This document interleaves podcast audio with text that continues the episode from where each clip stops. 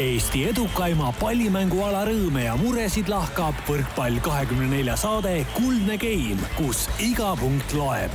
taustajõuna hoiab mängul hoogus ees Kredit kakskümmend neli tere, head kuulajad, enne kui läheme oma tavapärase lõbusa sissejuhatuse juurde, on põhjust rääkida natuke tõsisemal teemal. sügisel alanud uuest võrkpallihooajast äh, on meie saatel olnud kolm toetajat, Grade kakskümmend neli, Nelisport ja Karo Mets. viimati nimetatu ehk Karo Mets tuli seejuures meile appi viimasel hetkel, et aidata täita eelarves laiunud tühimikku. Karo Metsaga tehtud koostöö pikkuseks oli kokku lepitud kolm kuud ja nende kolme kuu eest ütleme me Karo Metsale ka suur-suur aitäh taoliste toetajateta taolisi saateid ei sünniks. kahe tuhande kahekümne esimese aasta jaanuarist oleme me saadet teinud aga taas vaid Grade kahekümne nelja ja nelispordi toel, mis tähendab seda, et eelarve nullis püsimiseks on tulnud näpistada raha võrkpalliportaali muude kulutuste arvelt. ja siinkohal tuleb mul ka endale tuhka pähe raputada, sest müügimehe jaoks olen ma ilmselgelt liiga aus inimene, mistõttu ma pole kunagi potentsiaalsetele toetajatele suutnud lubada koostöö eest vastutasuks suuri pudrumägesid. olen alati endale aru andnud, et me liigitume oma kolme-nelja tuhande kuulajaga jätkuvalt ikkagi pigem nišivaldkonda, ega saa lubada ettevõtetele, toetajatele, et saates kõlav reklaam küündiks sadade tuhandete inimesteni. see lihtsalt ei ole nii.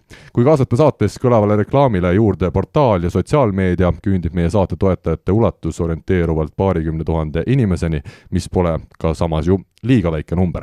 aga need kuulajad, kes tunnevad, et neil oleks huvi ja võimalus meie tegemistele õlg alla panna, võrkpall24.ee portaalist leiab ülaribast sellise märgi nagu Patreon. tegu on keskkonnaga, kus kõigil soovijatel on võimalik saada meie saate väiketoetajaks vastavalt kuue või kaheksateist eurose igakuise püsitoetuse näol toetuse tegemine võtab aega mõned minutid ja sellest saab alati soovi korral loobuda. siinkohal ka eriline tänu meie praegustele toetajatele ehk Marek Lentsaarele, Aivar Kaljurile ja Marek Randmale, kelle senine panus on meid juba uuel kalendriaastal märgatavalt aidanud. ja kui nüüd peaks kuulama mõni ettevõtja, kes oma firma reklaami sooviks teha, siis meie või õigemini minuga saab ühendust võtta aadressil karl at võrkpall24.ee aga on nagu on, rahast on elus äh, tähtsamaidki asju õnneks, äh, nii et tõmbame saa jälle käima ja alustame saatesarja üheksakümne neljandat osa. Mantamaja stuudios on kevadisel esmaspäeva õhtupoolikul, mil me seda saadet sedapuhku lindistame, võtnud kohad sisse Karin Aldo kõrval taas Andres Toobal ja Rene Teppan, tere mehed! ja kuidas null kolm kaotas Saaremaale eelmisel nädalal maitses? Nonii, vaba sõna, siiani raske. on jah, nagu me siin suuloputusvedelikku on veel vaja, noh. et see maitse ära saaks Rene, kuidas sul? Kuressaarest pikk sõit tagasi ka, vaata. ei nojah, eks ikka käis au ja hinge ja kõige pihta, ega selles mõttes noh, ütleme, mis ikka, kaotus on kaotus ja õnneks midagi selles suhtes noh, natuke juhtus ka, aga, aga, aga suures pildis selles mõttes tähtsad mängud algavad ja kõik teavad seda ja, ja kõik hakkab jälle nullist pihta, et, et see vahering selles mõttes, ma arvan, oli üldiselt hea mõte, et sai, sai lisaks neid tugevaid mänge ja asju, et et kindlasti hea ettevõtmine ja ka, aga ega noh, mis seal ikka, ega me peame peeglisse seal lihtsalt vaatama, ega, ega mujal ei olegi vaadata, et selline jõuetu, mitteagressiivne esitus meie poolt ja ja, ja eks selles mõttes juba mõnda aega on meid natuke kimbutanud, et et tuleb äh, midagi, midagi muud ei olegi teha, kui, kui tööd, tööd, tööd no me tuleme tänases saates esimeses põhiosas ka natukene pikemalt selle Saaremaa ja Selveri mängu juurde, samamoodi me siis vaatame üle ka ülejäänud mängud ja, ja poolfinaalpaarid. aga praegu võtame telefoni teel maalilise Emajõe kaldalt liinile Tartu Bigbanki peatreeneri Alar Rikbergi, kes asendab taas Rivo Vesikut ja on samuti saanud meile juba omaks. tere, Alar! kas nädalavahetusel suutsid hoida Tartus fookus oma meeskonna Pärnu mängul või jäid lummusesse sellest, kuidas Baltikumi kaunid naisvõrkpallurid ülikooli spordihoones medalivõitjaid kolme päeva jooksul selgitasid? Tervitused Tartust. Äh, fookus püsis ikkagi meeste võrkpallil ja mängul Pärnuga, aga hoidsin silma peal ka naistel, nii nagu ikka elus oluline on. ja väga toredaid sõnumeid tuli sealt äh, ja toredaid tulemusi. kui palju üldse Tartus meeskond ja naiskond omavahel kokku puutuvad? Mm, no aeg on selline, et väga ei puutu, läbi ajaloo on seda kokkupuudet rohkem olnud võiks seda ka tekitada juurde, aga täna ei taha. Ja pigem meie kokkupuuted on sellised, et kui meie lõpetame trenni, siis osadel nädalapäevadel samas saalis naised alustavad trenni. Ja siis äh, mitte alati, aga osasid äh, naiskonnaliikmeid me lihtsalt näeme, aga oleme hoidnud äsja, ütleme viimase peaaegu aasta sellise kontrolli all siis, et pigem jookseme kiiresti riietusruumi, lähme koju ära ja üleliigseid minuteid me saalis ja üleliigseid kontakte me ei loo aga kas sel hooajal mõni Tartu Bigbanki meeskonna härrasmees on, on kutsunud mõne Tartu Ülikool Bigbanki naiskonna liikme õhtust sööma ka millalgi, oled sa kursis, kas sa, kas sulle antakse nagu ülevaade sellistest asjadest? üldiselt on mul jah, päris hea ülevaade juba aastaid olnud siin, isegi kui ma ei ole Tartu meeskonnaga seotud olnud, et millega mehed tegelevad. et äh, ka nendest aastatest, kui Andres ja Rene veel Tartus mängisid.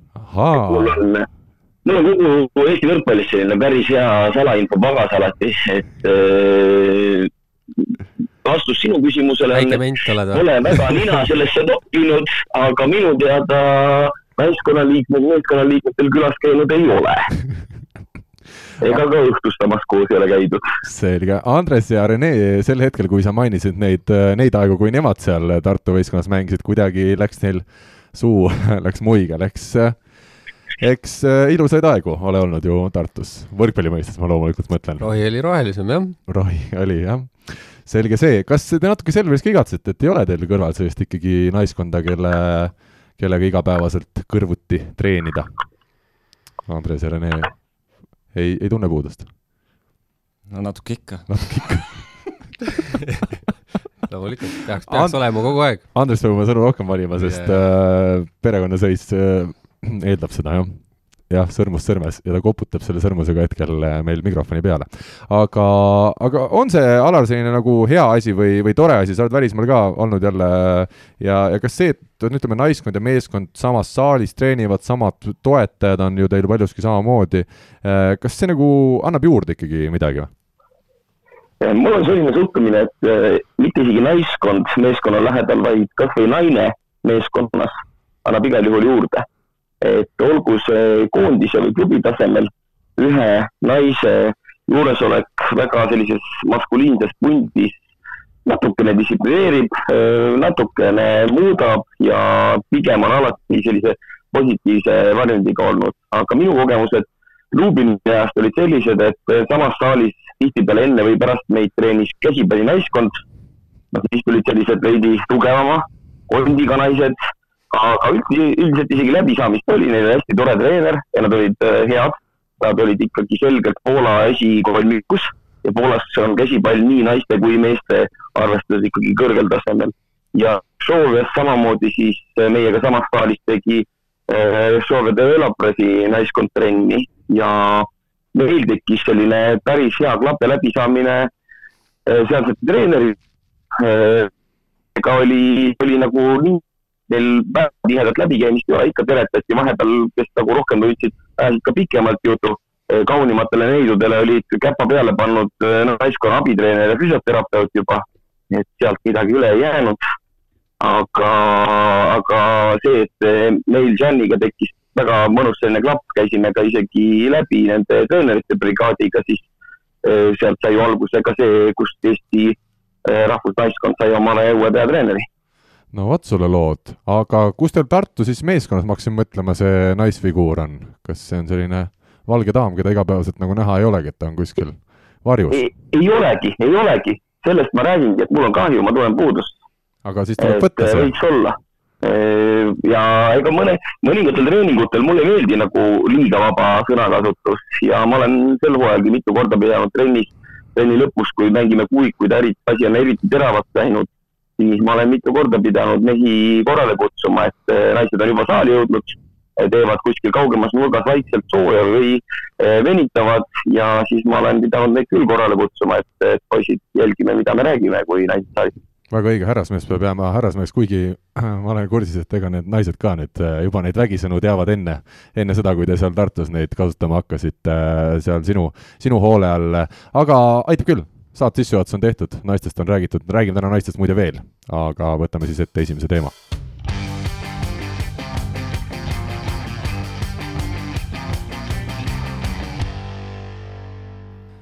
Grade kakskümmend neli Eesti meistrivõistlustel said siis möödunud nädalal paika poolfinaalpaarid, Tartu Bigbank võitis pühapäeval vaheringi viimases mängus Pärnut kolm-üks ja tagas sellega play-off'iks esimese asetuse. Saaremaa küll maadles TalTechiga, kes jäi ainsana poolfinaalis lõpuks siis välja, aga sai lõpuks ikkagi teise asetuse. Tallinna Selver lõpetas vaheringi kolmandana ja Pärnu neljandana, seega esimeses poolfinaalis, kus mängudega alustatakse juba sel kolmapäeval Kuressaares, kohtuvad Saaremaa ja Selver ning teises paaris neljapäeval oma esimest mängu pidavad võidavad Bigbank ja Pärnu. poolfinaalseeriat mängitakse kolme võiduni ja kõiki mänge näeb lisaks Postimehele ka Kanal kaheteistkümnes. ei jõua ära oodata neid äh, mänge. Andres, oled sa ka sama sedasi ärevil ja, ja õinapõhiselt valmis nendeks kohtumisteks? Äh, jah, muidugi ja tegelikult täiega ootan, et ähm, me ise siin panime ennast võib-olla ütleme natukene niisugusesse, mitte raskesse positsiooni, aga andsime teatud eelise oma niisuguse kehvemapoolse mänguga ära, et äh, et aga, aga nagu siin, kui me saadet alustasime, et siis jah, et, et nii-öelda elame veel, et äh, ja, ja siit on nagu kõvasti, kõvasti edasi vaja panna ja, ja siin ei ole enam nagu ruumi enam nagu mingiteks eksimisteks, et et selles mõttes äh, põnevad ajad, et see, see tegelikult nagu motiveerib, ma arvan, mehi kõvasti rohkem ja, ja kui need niisugused poolikud niisugused asjad on õhus, et noh, kas mingid teatud eelised või teatud kohad, et siis siis on näidanud, et äh, või võivad need eksimused tulla, noh, mis ei ole nagu noh, spordimehele tahaks öelda, et noh, et tuleb kogu aeg lõpuni panna, aga, aga selge on see, et kuskil natukene nagu andsime järgi. Rene, kuidas äh, need lood on, kas praegu märtsi esimestel päevadel on võistkond äh, juba sellises heas vormis või peab olema heas vormis, et nüüd on see hooaja kulminatsioon käes või ikkagi natukene veel selle vormiajastusega oodatakse? Keegi ei oota selles mõttes midagi, aga sa, fakt on ka see, et kui sa ikkagi oled natukene nii-öelda tillu-lillu lasknud, siis äh, ütleme, paugu pealt nagu kohe kõike taastada nagu on võimatu, et äh, et eks see on natukene niisugune aeganõudev ilmselt protsess äh,, samas noh, ma usun, et äh, et ei ole ka niisuguses seisus, kus ütleme, peaks kuidagi pea norus või natukene kuidagi kartlikult äh, poolfinaalseeriale vastu minema, seda, seda ma ei arva, aga, aga lihtsalt ma arvan, need äh, paremad liigutused hakkavad tekkima siin seeria jooksul ja, ja ja, ja nii see, nii see selles mõttes see värk käib, et äh, ütleme, treeningutel on juba see suhtumine nagu juba parem, aga siis ongi see, et üks asi on suhtumine, mida ei olnud teine asi on see, et ega need liigutused, ma räägin, veel ei tule järgi võib-olla kohe paugu pealt, et, et äh, see on samm-sammult ja ütleme ka mängus, noh, selles mõttes see ei tähenda, et me ei, me ei suudaks täna head mängu mängida, et äh, see on täiesti tehtav ja läbi selle võib ka väga kiiresti nagu asi, üldpilt muutuda, et see mängus saadud enesekindlus ja mis iganes kiirendab kõik seda protsessi, aga, aga ütleme, tuleb äh, kõvasti jah, endast välja pigistama hakata ja mis seal ikka, et seeriad mulle selles mõttes meeldivad ja tuleb selline põnev mõnus aeg, jah Alar, kuidas äh, Tartus seis on ja kui palju sina ootad äh, mõlemat poolfinaalseeriat? vaheringiga võib ju väga rahule jääda, võitsime kõik oma neli mängu ära, aga nii nagu teised mehed juba ütlesid, sealt saime me koduväljaku eelise kätte, saime asetuse vastase kätte. viimasest mängust äh, nähes, kuidas siis vana kaval rebane Aavo Keel oma koosseisuga eksperimenteeris, oli selge, et tema tahtiski äh, just seda neljandat kohta ja valiski enda poolfinantseerija vastaseks Tartu. et äh, selle ta ka siis sai ja meie samamoodi saime Pärnu mm,. ega siin ei ole nagu väga trenni ja vormi timmida enam, sellepärast et meie hakkame neljapäeval Pärnuga madistama ka selle seeria neli esimest mängu on üheksa päeva jooksul. seal tuleb nüüd hoopiski hakata väga targalt äh, valima, millised on puhkepäevad, kuidas mängudest taastuda, kuidas kiiresti järgmiseks valmistuda seeriad on küll põnevad, aga noh, igas mängus on päris palju nüüd juba kaalul, sellepärast et vigade paranduseks jääb seal teinekord võib-olla ainult nelikümmend kaheksa tundi kahe mängu vahel. Jah, ja selle, ütleme siis tiheda mängugraafiku juurde ma siin tuleks ka veel, aga, aga võtame kohe ette siis selle esimese äh, poolfinaalpaari Selvere Saaremaa põhiturniiri siis äh, kolmas ja teine meeskond äh, ja esimene mäng, nagu öeldud, kolmapäeva õhtul Kuressaares. Alar, kuna sina oled selles, selles paaris nüüd neutraalses rollis, siis kumb hetkel võistkonnana tugevam tundub sulle? Saaremaa siin möödunud nädalal sai siis kaks võitu, nende hulgas seesama kolm-null võit Selverile Saaremaa seisukohta võib öelda jah, et see kolm-null näitas nende sisu, aga samas pühapäevane mäng TalTechi vastu näitas väga selgelt ka nende haavatavust. TalTechil olid väljakul mehed, nurgaründas üks, nurgaründaja näiteks üks mees, keda ma seni olen näinud ainult soojendusel libero särgis ründamas. ja päris just, ja seal veel päris mitut meest, kelle nimesid ma küll juba tänaseks tean, aga platsil nägin ma need esimest korda ja Saaremaa mängupilt oli ikkagi üsnagi katastroofiline. et eh, ma ei julgegi väga eelist anda, selgelt väga põnev, väga võrdne. Selveri eelis on see, et viimane kord, kui nad justkui oma miniseeria mängisid, ehk siis kolm mängu järjest, karika poolfinaalid pluss siis üks eh, Kredit kakskümmend neli eh, Balti liiga põhiturniiri mäng, siis Selver üsna selgelt purustas Saaremaa, aga see oli omajagu ammu. Saaremaa eeliseks siis väikeseks on nende koduväljak et nad saavad rohkem mänge kodus mängida. minu küsimus selle TalTechi mängu kohta, kas see ei olnud ka mitte see, et esimestes game'ides ju äh, Janis Kalmasiidis kasutas seda uut äh, sidemängijat Michael Keeganit, et kui tuli ikkagi Des-, Despotovski väljakule, siis hakkas mäng natukene paremini sujuma, et kas see ei olnud puhtalt selles küsimus, oli seal kogu võistkonna esitus kehv? no mina nägin ainult mängu teist poolt ja ma nägin seda neljandat game'i, kus äh, Saaremaal olid kõik põhimehed väljakul ja Üprus, Solovjov Torn, Maila äh, olid äh, vastas ja mäng oli täiesti võrdne. et äh, see näitaski, et, et asjad nagu väga ei su sujunud ja, ja isegi põhimeestega siis ja põhisidemängijad ei suudetud oma selget üleolekut maksma panna. et sama olukord, ega meil ka ilus mäng viimane ei olnud Pärnu vastu. seal võib tekkida, ma ise kahtlustan, selline mure, et sa ei võta kõiki vastaseid ja kõiki võistkondi täpselt samamoodi. et tihtipeale tugevust näitab see, kui sa suudad täie kontsentreeritusega mängida, ükskõik kes on teisel pool võrku. ma arvan, et Saaremaal võis olla see probleem, et kui platsi peale tulid sellised mängijad, keda ka saarlased esimest korda väljakul nägid, noh, sama meil Pärnuga, kui Aavo tuli ikkagi väga põneva koosseisuga ja, ja mängu sees veel ka kõvasti vahetas, siis mehed ei suuda hoida nii head keskendumist ja sellepärast enda mäng lobiseb kuule, aga võtame tükkideks selle poolfinaalpaari, me siin tuleme varsti ka Bigbanki ja Pärnu tolli juurde, siis saavad jälle Andres ja ja, ja Rene rohkem sõna, aga Pulk Teppan diagonaalis minu arust no juba, juba super huvitav äh, selline võitluspaar, eeldusel, et siis mõlemad algkoosseisu kuuluvad ja miks, miks ei peaks kuuluma, Alar, äh, mis sa siin selle duo kohta ütleksid? sa tead, meil on Rene praegu siin stuudios, aga ta on ikkagi sinust sedasi äh, mõnusalt kaugel, et sa võid öelda ikkagi kõike, mis sa mõtled õnneks tema käsi minuni ei ulatu, siin on ikka, ma arvan, selline sada kaheksakümmend kilomeetrit või rohkemgi vahel. ehk eh, ma ütlen ausalt, et eh, pulk on olnud stabiilsem. pulk on ikkagi mänginud oma mängud hästi ja stabiilselt.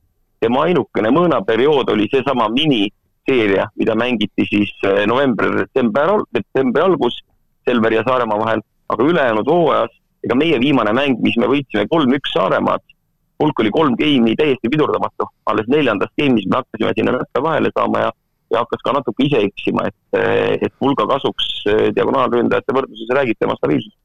Rene, sa plaanid muuta seda, seda nii-öelda Alari arvamust siin paari lähinädala jooksul? ei no mis asja, tähtsad mängud alles algavad, alles nüüd hakkame vaatama, mis siin reamängud, reamänge ja trennimehi on teisigi, et ei, pulk selles mõttes on äh, jah, äh, oma asju teinud normaalselt, ega ta selles mõttes ta peabki tegema, et ega tema roll on selline, et ta peab hästi mängima, et võistkond võidaks selles suhtes, et äh, et võib-olla jah, võib-olla teatud mõttes ma võin ka siin jah, peeglisse selles mõttes vaadata, et alati ma ei, ma ei pea kakskümmend viis punkti tooma võib-olla, kui et, et Selver selle mängu võidaks, et meil on seda, võib-olla seda jõudu nagu mujal ka, et et aga eks, eks jah, Äh, pulk ju sai tea, teadupärast süsti ka, et selles mõttes ei ole ka imestada, et ta jälle nii-öelda on äh, ja see ei olnud koroonavaktsiini süst? ei ka, et, et jah, et arvata, arvata on, et ilmselt, ilmselt ta siin äh, lõpuni enam-vähem vastu peab, et et kui eelmist seda perioodi arvestada, siis, siis tegelikult võib siin lõpupoole veel huvitavaks minna selles osas tal, aga aga, aga noh, loodame, et, et mingid füüsilised asjad ette meil ei jää, et et aga, aga jah, ma arvan, et äh, vaatame platsi peal, mis saab kusjuures ma ütlen siia vahele lihtsalt, et kui äh, Alar seda hakkas ütlema, et, et pulk on stabiilsem olnud siin viimasel ajal, siis tegelikult Rene noogutas kaasa, et, äh, et äh, tore näha, kui konkurenti osatakse ka hinnata. sidemängijad, Despotovski, Vanker olen mina siin ikkagi kirja pannud kui eeldatavad põhimehed. Alar, kummale sa siin eelise annaksid, kas kogenud võõrleegionär või meie oma noor mees? Äh, siin on nüüd äh, selline lugu, et kui me räägime tõstest ainult, siis Despotovski stabiilsus, eriti kui ta veel nagu õige klapi leiab, on tema selge eelis. aga Despotovski selge nõrgem pool võrreldes Venetiga tuleb teistes elementides, kui me räägime servist, kui me räägime blokist. seal on ikkagi Veneti klass parem Despotovski on üsna selline mitte kõige korrektsem ja see on nüüd see koht ka, kus äh, mina arvan, et duši lahkumisega Saaremaa kõige rohkem kaotas, et tõstekvaliteet on sellel uuel mehel ka olemas, aga duši üldmäng kuni kaitseni, rääkimata servist või plokist, oli ikkagi kõrgemal tasemel minu hinnangul. et äh, noh, Reneti, kui on hea päev, siis ka Reneti tõstel ei ole mitte midagi viga, aga seal võib juhtuda selliseid asju, et äh, Renetil seeria on pikk, ma ei usu, et kõik mängud tal väga hästi välja tulevad, et seal võib ka ärakukkumisi olla. nurgaründajad Pupart, Tamme, Kollo, vabandust, Pupart, äh, Tamme Saaremaal, Kollo, Raadik, Orav olen ma pannud siin Selveri puhul kirja. ma ikkagi eeldan, et, äh, et Kollo, Raadik, Orav on täna oluliselt selline võimsam, isegi kui ühel mehel ei, peaks hea päev olema, siis on varust võtta kõva asendusmees Saaremaal täna sama olukorda pärast Evandro Dias Sousa lahkumist ei ole nojah, siin on päris selge, et Selveril on igal juhul Äh, kõva eelis nurgaründajate osakonnas. et äh, uue sidemängija tulekuga väikese uue hingamise on saanud Pupart. ta on mänginud hästi. samas äh, ma numbreid mäletan, aga ma situatsioone nii hästi ei mäleta. meie näiteks ise soperdasime ja lubasime Pupartil tuua selliseid punkte, mida Pupart ei tohiks tuua. tal on oma head asjad olemas, millega ta oma punktid ära toob, aga siis on hulk olukordi, kus tuleb tema vastu teatud stiilis mängida nii et ta hätta jääks. aga me ise kuidagi olime natukene ebakorrektsed ja, ja nii meie mängus kui ka siis Ivan Selveri mängus ja kõik need vahegrupi mängud, Pupati numbrid on olnud ilusad, aga sellest hoolimata selge eelis, ükskõik mis, kui me räägime tervist, kui me räägime vastuvõtust, kui me räägime rünnakuvõimsusest, on ikkagi Selveri kolmikul. no mis sa ennustad, kes siis sellest kolmikust algkoosseisu kuuluvad, Colorado Korav, homses või siis kolmapäevases selles esimeses mängus? mina ennustan, et mängu alustavad Orav ja Kollo.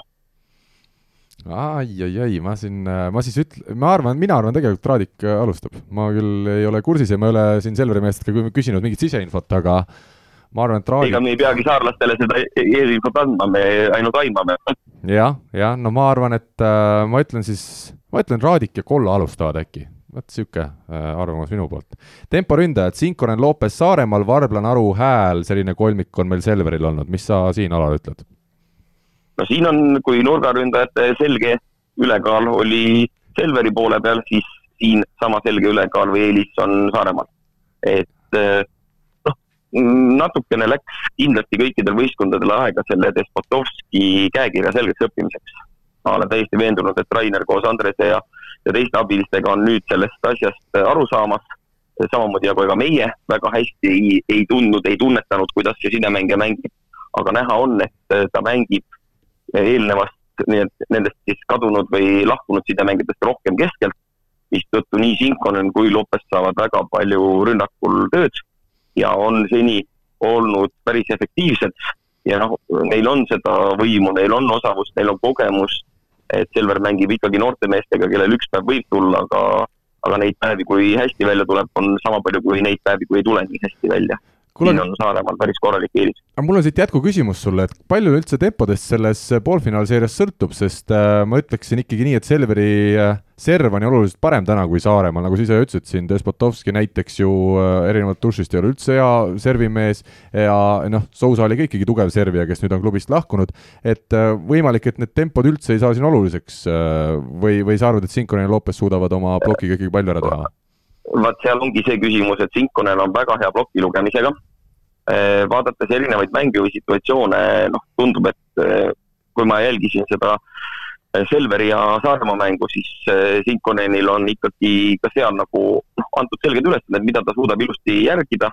Ja ega need mõlemad tempomehed lisaks sellele, et nad on plokis võimekad, nad on ka servil võimekad, olgugi et üks lööb hüppelt, teine lööb planeerivat, nad võivad mõlemad paksu pahandust teha et ma olen nõus sellega, et Soosa lahkumisega ja ka Duši lahkumisega Saaremaa enam ei ole niisugune servivõistkond, nagu ta oli hooaja alguses. mul on hästi meeles see esimene null kolm, selle hooaja meie ainukene selline kaotus, kus meid lihtsalt tambiti maa alla kiirelt tunniga ja saadeti praami peale ja kodu poole tagasi. ja siis serviti nii, et meil ei olnudki mitte midagi teha. vaatad ja naeratad ainult, et noh, on selline päev. aga tänasel päeval on alles siis sellest nii-öelda väga võimsast ja keerulisest servivõistkonnast eelkõige Hulk, Lopes, pluss siis planeeriva poole pealt Pupart ja Simkonen Läheme edasi, võtame siis liberad ka veel, Losnikov Vahtres Selveril eeldatavasti, Losnikov saab kõige rohkem mänguaega ja Saar Vahter siis Saaremaa võistkonnast selline duo, kes reeglina äh, jagab seda mänguaega, mis sa siin ütleksid, kummale eelis läheb?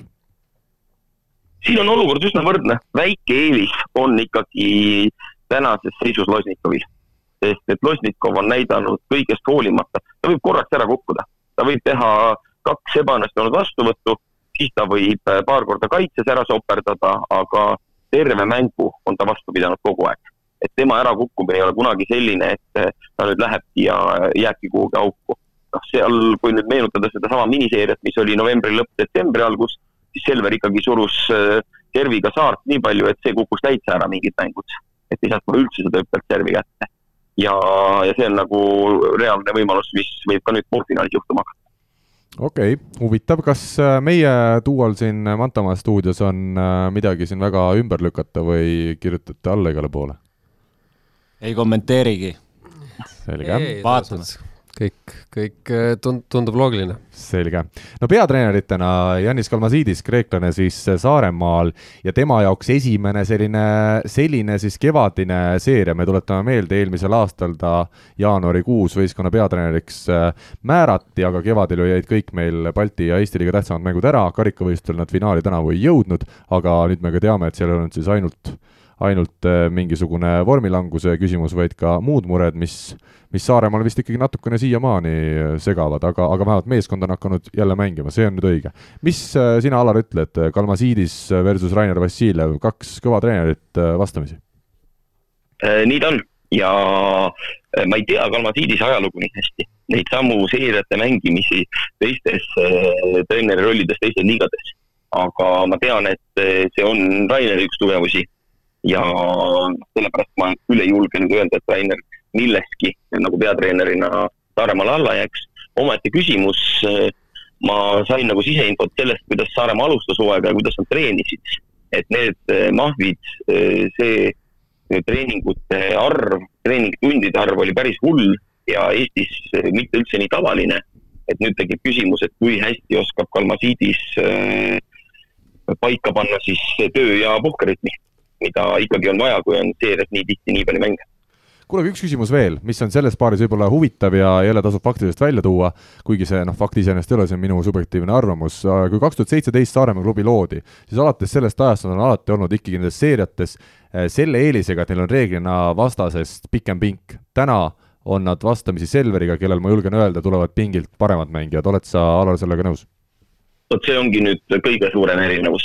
Tänu erinevatele muudatustele, mis siin, tegelikult isegi mitte ainult tänu muudatustele Eh, siis, kui oli näha, et Saaremaa läks juba hooaja esimeses ringis mängima TalTechiga, oli hädas ja mängis kolm-kaks, siis eh, mina tegin kohe sealt järelduse, et ma olin hooaja alguses ühe asjaga puusse pannud. ja see, millega ma puusse panin ja mida ma ennustasin, oli see, et Saaremaal on pikk pink. siis oli näha, et ei ole pikka pinki. sealt on üks-kaks meest, kes on tulemas ja nüüd, kui on lahkujaid olnud, on neid mehi, kes pingilt tulemas veel vähem.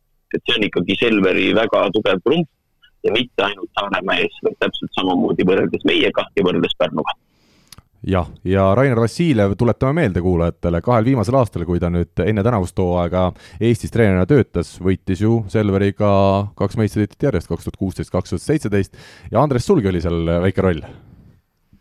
jaa. ilusad ajad. olid ilusad ajad, jah. nii et tasub korrata. ilus, jah, niisugune ilus kevad oli. ilus kevad oli mul tuli meelde praegu, ma käisin raamatupoes nädalavahetusel, lugesin äh, seal korraks Andrus Kivirähu lasteraamatut äh, Kaka ja kevad mm. -hmm. Reneel seda raamatut ei ole loetud, sest tema lapsepõlves seda veel ei olnud Kivirähk kirjutanud. aga võtame ette selle teise paari, Bigbank Pärnu Äh, ja olete te nüüd nõus, et täna Pärnu on ikkagi selge outsider selles paaris, senisel hooajal paar üksikut sähvatust on Aavo keelehoolelused teinud, näiteks detsembrikuine võit haavatud Saaremaa üle, aga muidu ikkagi on nad olnud, oleme ausad, suhteliselt mannetud. no Pärnul on viimane võimalus ikka jah, siin nüüd midagi liigutama hakata, et et äh, jah, ütleme, siin on rahapuudusest palju räägitud ja nii edasi ja nii tagasi, aga kui sa vaatad ikkagi seda kooslust, siis no pagan ei ole ju, okei okay,, Taavet oli seal mingi perioodi väljas ja see selles mõttes oli neile valus natukene, aga aga on ka ta ju väljakul olnud ja ikka ei ole neid nagu suuri hammustatud eriti, et äh, millest puudu jääb? No täpselt tahaks ka teada, millest puudu jääb, sest et no mängijaid ikkagi peaks olema, no ma võin öelda, mis meie vastu on puudu jäänud ilmselgelt mentaliteedist ja agressiivsusest, et jube lihtsalt on nagu loobutud ja ja isegi kui on esimene game kätte saadud, siis, siis peale seda, kui natuke gaasi paned, siis, siis nagu vastane jääb, et äh, see on nagu natuke arusaamatu ja siis samas vaatad, kuidas nagu näiteks äh, äh, diagonaalründaja seal TalTechi vastu mängib ja mis lõvi ta seal on, et siis nagu jääbki natuke arusaamatuks, et milles nagu asi on, et et äh, ma ei tea, vaim, vaimne pool siis või, või mis seal nagu puudu jääb, et ei oskagi öelda, aga aga, aga Pärnul on jah, kindlasti, ma loodan, et seda tõestamise vajadust nüüd ka natukene, et äh, siiamaani on kuidagi kulgetud ja tiksutud ja, ja kuidagi ma ei tea, loobutud natuke lihtsalt ja, ja ma ei tea, ei ole väga kuidagi spordimehelik see sats, et üks väike Napoleon käib seal ringi mööda platsi ja, ja kamandab ja ja karjub nende peale, aga see ka nagu ei mõjuta, et, et loodan, et Marti saab endale kompanjoone seal juurde, kes, kes võiks nagu natukene seda vedurit seal nii-öelda häälekalt äh, aidata kaasa, et nüüd on üks venelane seal ja venelased teadupärast ei ole väga mähkud, nii et loodame, et sealt tuleb abi juurde. ja, jah, et ma ka nõustun selle, just see et mehed on ju noh, ütleme nii, ongi see, et jah, pinki ei ole võib-olla, aga nii no kas aga... Plataks näiteks diagonaalil on ju selgelt kehvem, kui on Pulk ja Teppan, ta ei ole elus mitte midagi ju diagonaalründajana veel korda saatnud. aga on ka häid mänge olnud ju, ju eriti no, seal koondise eest, et ja samamoodi ma räägin, et kuida-, noh, see suhtumine juba, ma ei räägi üldse kvaliteedist ega millestki, et nagu see suhtumise küsimus, kuidas TTÜ vastu ta on lõvi teiste nagu võistkondade kõvemate, võib-olla siis ütleme natuke võib-olla sorry, TTÜ, aga nagu hoopis teine mentaliteet, et nagu see, see nagu ei näita nagu noh, ta näitab ka mingil määral klassi jah, sest see ei ole ainult füüsiline, no just, et, et aga, aga no siis ma ei tea. ei, ma mõtlen ka, et see tegelikult on ju, tal on, ta võib olla väga ebamugav nagu vastane selles mõttes ka, et ega, ega siin liigas palju neid vasakukäelisi on ja nii edasi, et ja, ja, ja tegelikult ju neil on piisavalt äh, rünnakut teisest nurgast ka ja, ja kui, kui neil veel Svant sees on, siis nad on väga ohtlikud, et äh, et nad ei ole ise tegelikult minu arvates äh, nagu seda potentsiaali, mis neil tegelikult on, nad pole nagu kindlasti kuidagi välja mänginud, et et just see, et nad võivad ühe väga normaalse mängu teha ja siis, siis tuleb hunnik mitte midagi lubavat ja siis, siis võib-olla jälle midagi tuleb, et et just seda sellist stabiilsust on neil nagu vähemalt et see, mis vähemalt mingigi potentsiaali endast välja mõelda, et aga, aga see on olnud väga-väga kõikuv, et jah, tõesti ei oska öelda, kus noh, meie vastu ka see hooaja või selle, ütleme aast-, selle aastanumbri siis esimene mäng, et noh, see, seal oli nagu see katastroof ikka selles mõttes, et et seda enda se sees põlemist ei olnud nagu üldse, et aga, aga jah, see, see on nagu nende see murekoht, noh, millest nad nüüd võib-olla selle uue liitujaga võib-olla siis natuke juurde saavad ja tegelikult võivad nagu selle asja palju, palju põnevamaks teha. Räägime sellest uuest liitujast, Aleksandr Popletejev siis Venemaalt tuli, niisugune sada üheksakümmend viis sentimeetrit pikkust, noor mees ka, samas mitte enam äh, väga roheline, äh, võimas rünnak, Tartu vastu ka selles mängus üle viiekümne protsendi, tuli seal minu arust päris huvitavalt peale, sisuliselt ilma ühegi sammuta, lihtsalt hüppas üles, hüppas päris kõrgele, samas servi vastuvõtt äh, kohtumise alguses oli täiesti kohutav, mõtlesin, et kas ta esimest korda elus mängib nurgaründaja kohal, aga edasi läks natukene paremaks seegi, aga noh, selgelt ründava suunitlusega mängija. no L vist on kõige parem vastama. jaa, Alar, anname sõna sulle Äh, nii ta ongi, et äh, noh, ega minu võistkonnale ja meile ei meeldi mängida tundmatute vastu. seda on varemgi olnud niimoodi, et lähed mängima, sul peab ikkagi mingi mänguplaan ja idee olema, nüüd me läksime mängima mehe vastu, kelle vastu me panime lihtsalt mingisuguse taktika umbes paika, aga, aga teda tuleb hakata nüüd tundma õppima.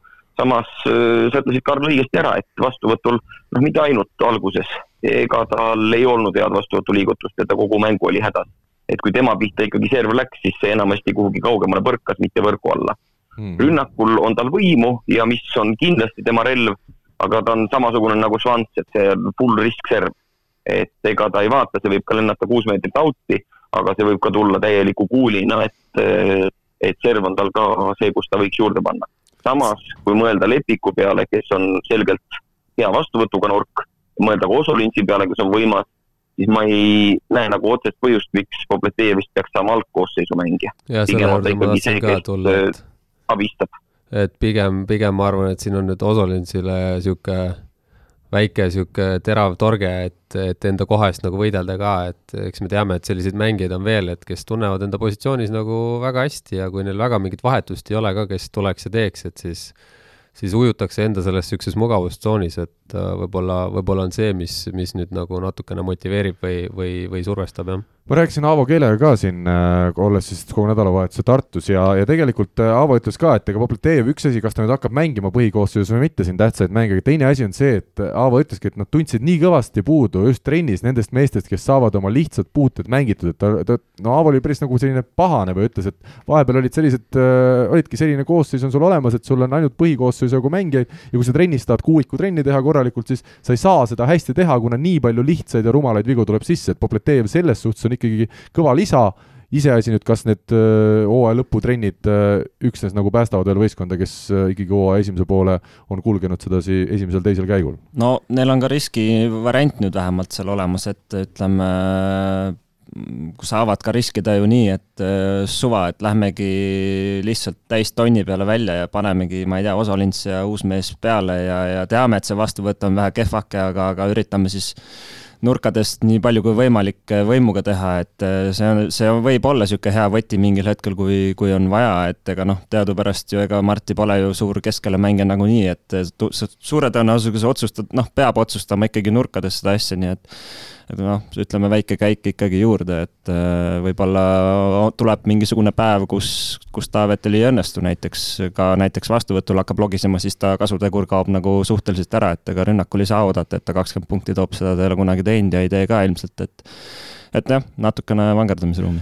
aga ikkagi see on ka, et ega Lepik äh, ei ole mänginud tänavusel hooajal stabiilselt väga hästi ja ei ole ka Osonit seda teinud, et siin on väga palju küsimärke, meie täpselt ei tea, millises seisus nüüd äh, praegu märtsikuu alguses ükski mees on, aga igatahes huvitav on äh, näha ja ma ikkagi tegelikult ei jätaks ka Tori Tammiksaart välja siit, sest see, kuidas ta pühapäeval tegelikult Tartu mäng, vastu mängis, enam-vähem, et, et ei ole välistatud, et Taavo ka mingil hetkel tema ikkagi Tartu vastu väljakule paneb. Alar, tahad sa siin öelda nurgaründajate osas midagi juurde? Ei, ma kinnitan seda, et Tammiksaar tegi ilusa mängu ja näitas ilusaid liigutusi mitte ainult rünnakul, vaid ka vastuvõtul. et äh, tore on näha, et noores poisis ikkagi sisu on ja ma mõtlen selle, tema osas juba natuke tuleviku peale, et ükskõik millises klubis ma väga loodan, et tema on järgmisel hooajal ühe Eesti klubi põhinurgaründaja, kes on kogu aeg väljakul absoluutselt nõus.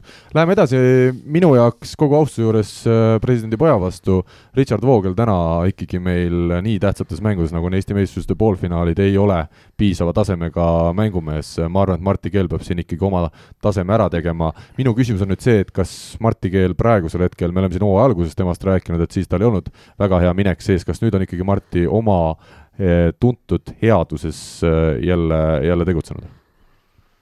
No Mart jah, hoiab ikkagi selles mõttes, tal on tüüpiliselt see, et ta enda mingi taseme hoiab ära, et seal võivad olla mingid perioodid, kus ta võib-olla vähe rohkem kukub ära ja tegelikult noh, ongi nüüd äh, Voogeli koha pealt oleks äh, natukene ikkagi lootnud rohkem seda, et, et ta võtab selle nii-öelda sidemängija positsiooni seal vähe võimsamalt enda poole, sest noh, ma arvan, et füüsilised eeldused ja kõik asjad on, on selleks asjaks olemas, et äh, lihtsalt äh, seal on kõvasti vaja va vaeva küll näha ja, ja, ja võib-olla noh, ka natukene mentaliteedi pealt. no minu arust ongi sealt peamiselt, kui sa vaatad Vooglit, ta on täna selline A-klassi, noh, pealtnäha A-klassi poiss, aga sidemängija, sul peab meeskonnas ikka olema selline, kes on kogu aeg valmis võitlema ja täiega panema, et ta on täna nagu üks selline noormängija väljakul, aga sidemängija nii tähtsates mängudes äh, Tartu vastu mulle tundub, et see, see ja, ei et, ole see koht. Marti pealt on ju päris hea, hea õppida ka, et, et sellised niisugune selles mõttes Marti on ju, võib-olla füüsilised eeldused on, on ise vähem, kui, kui sealt nagu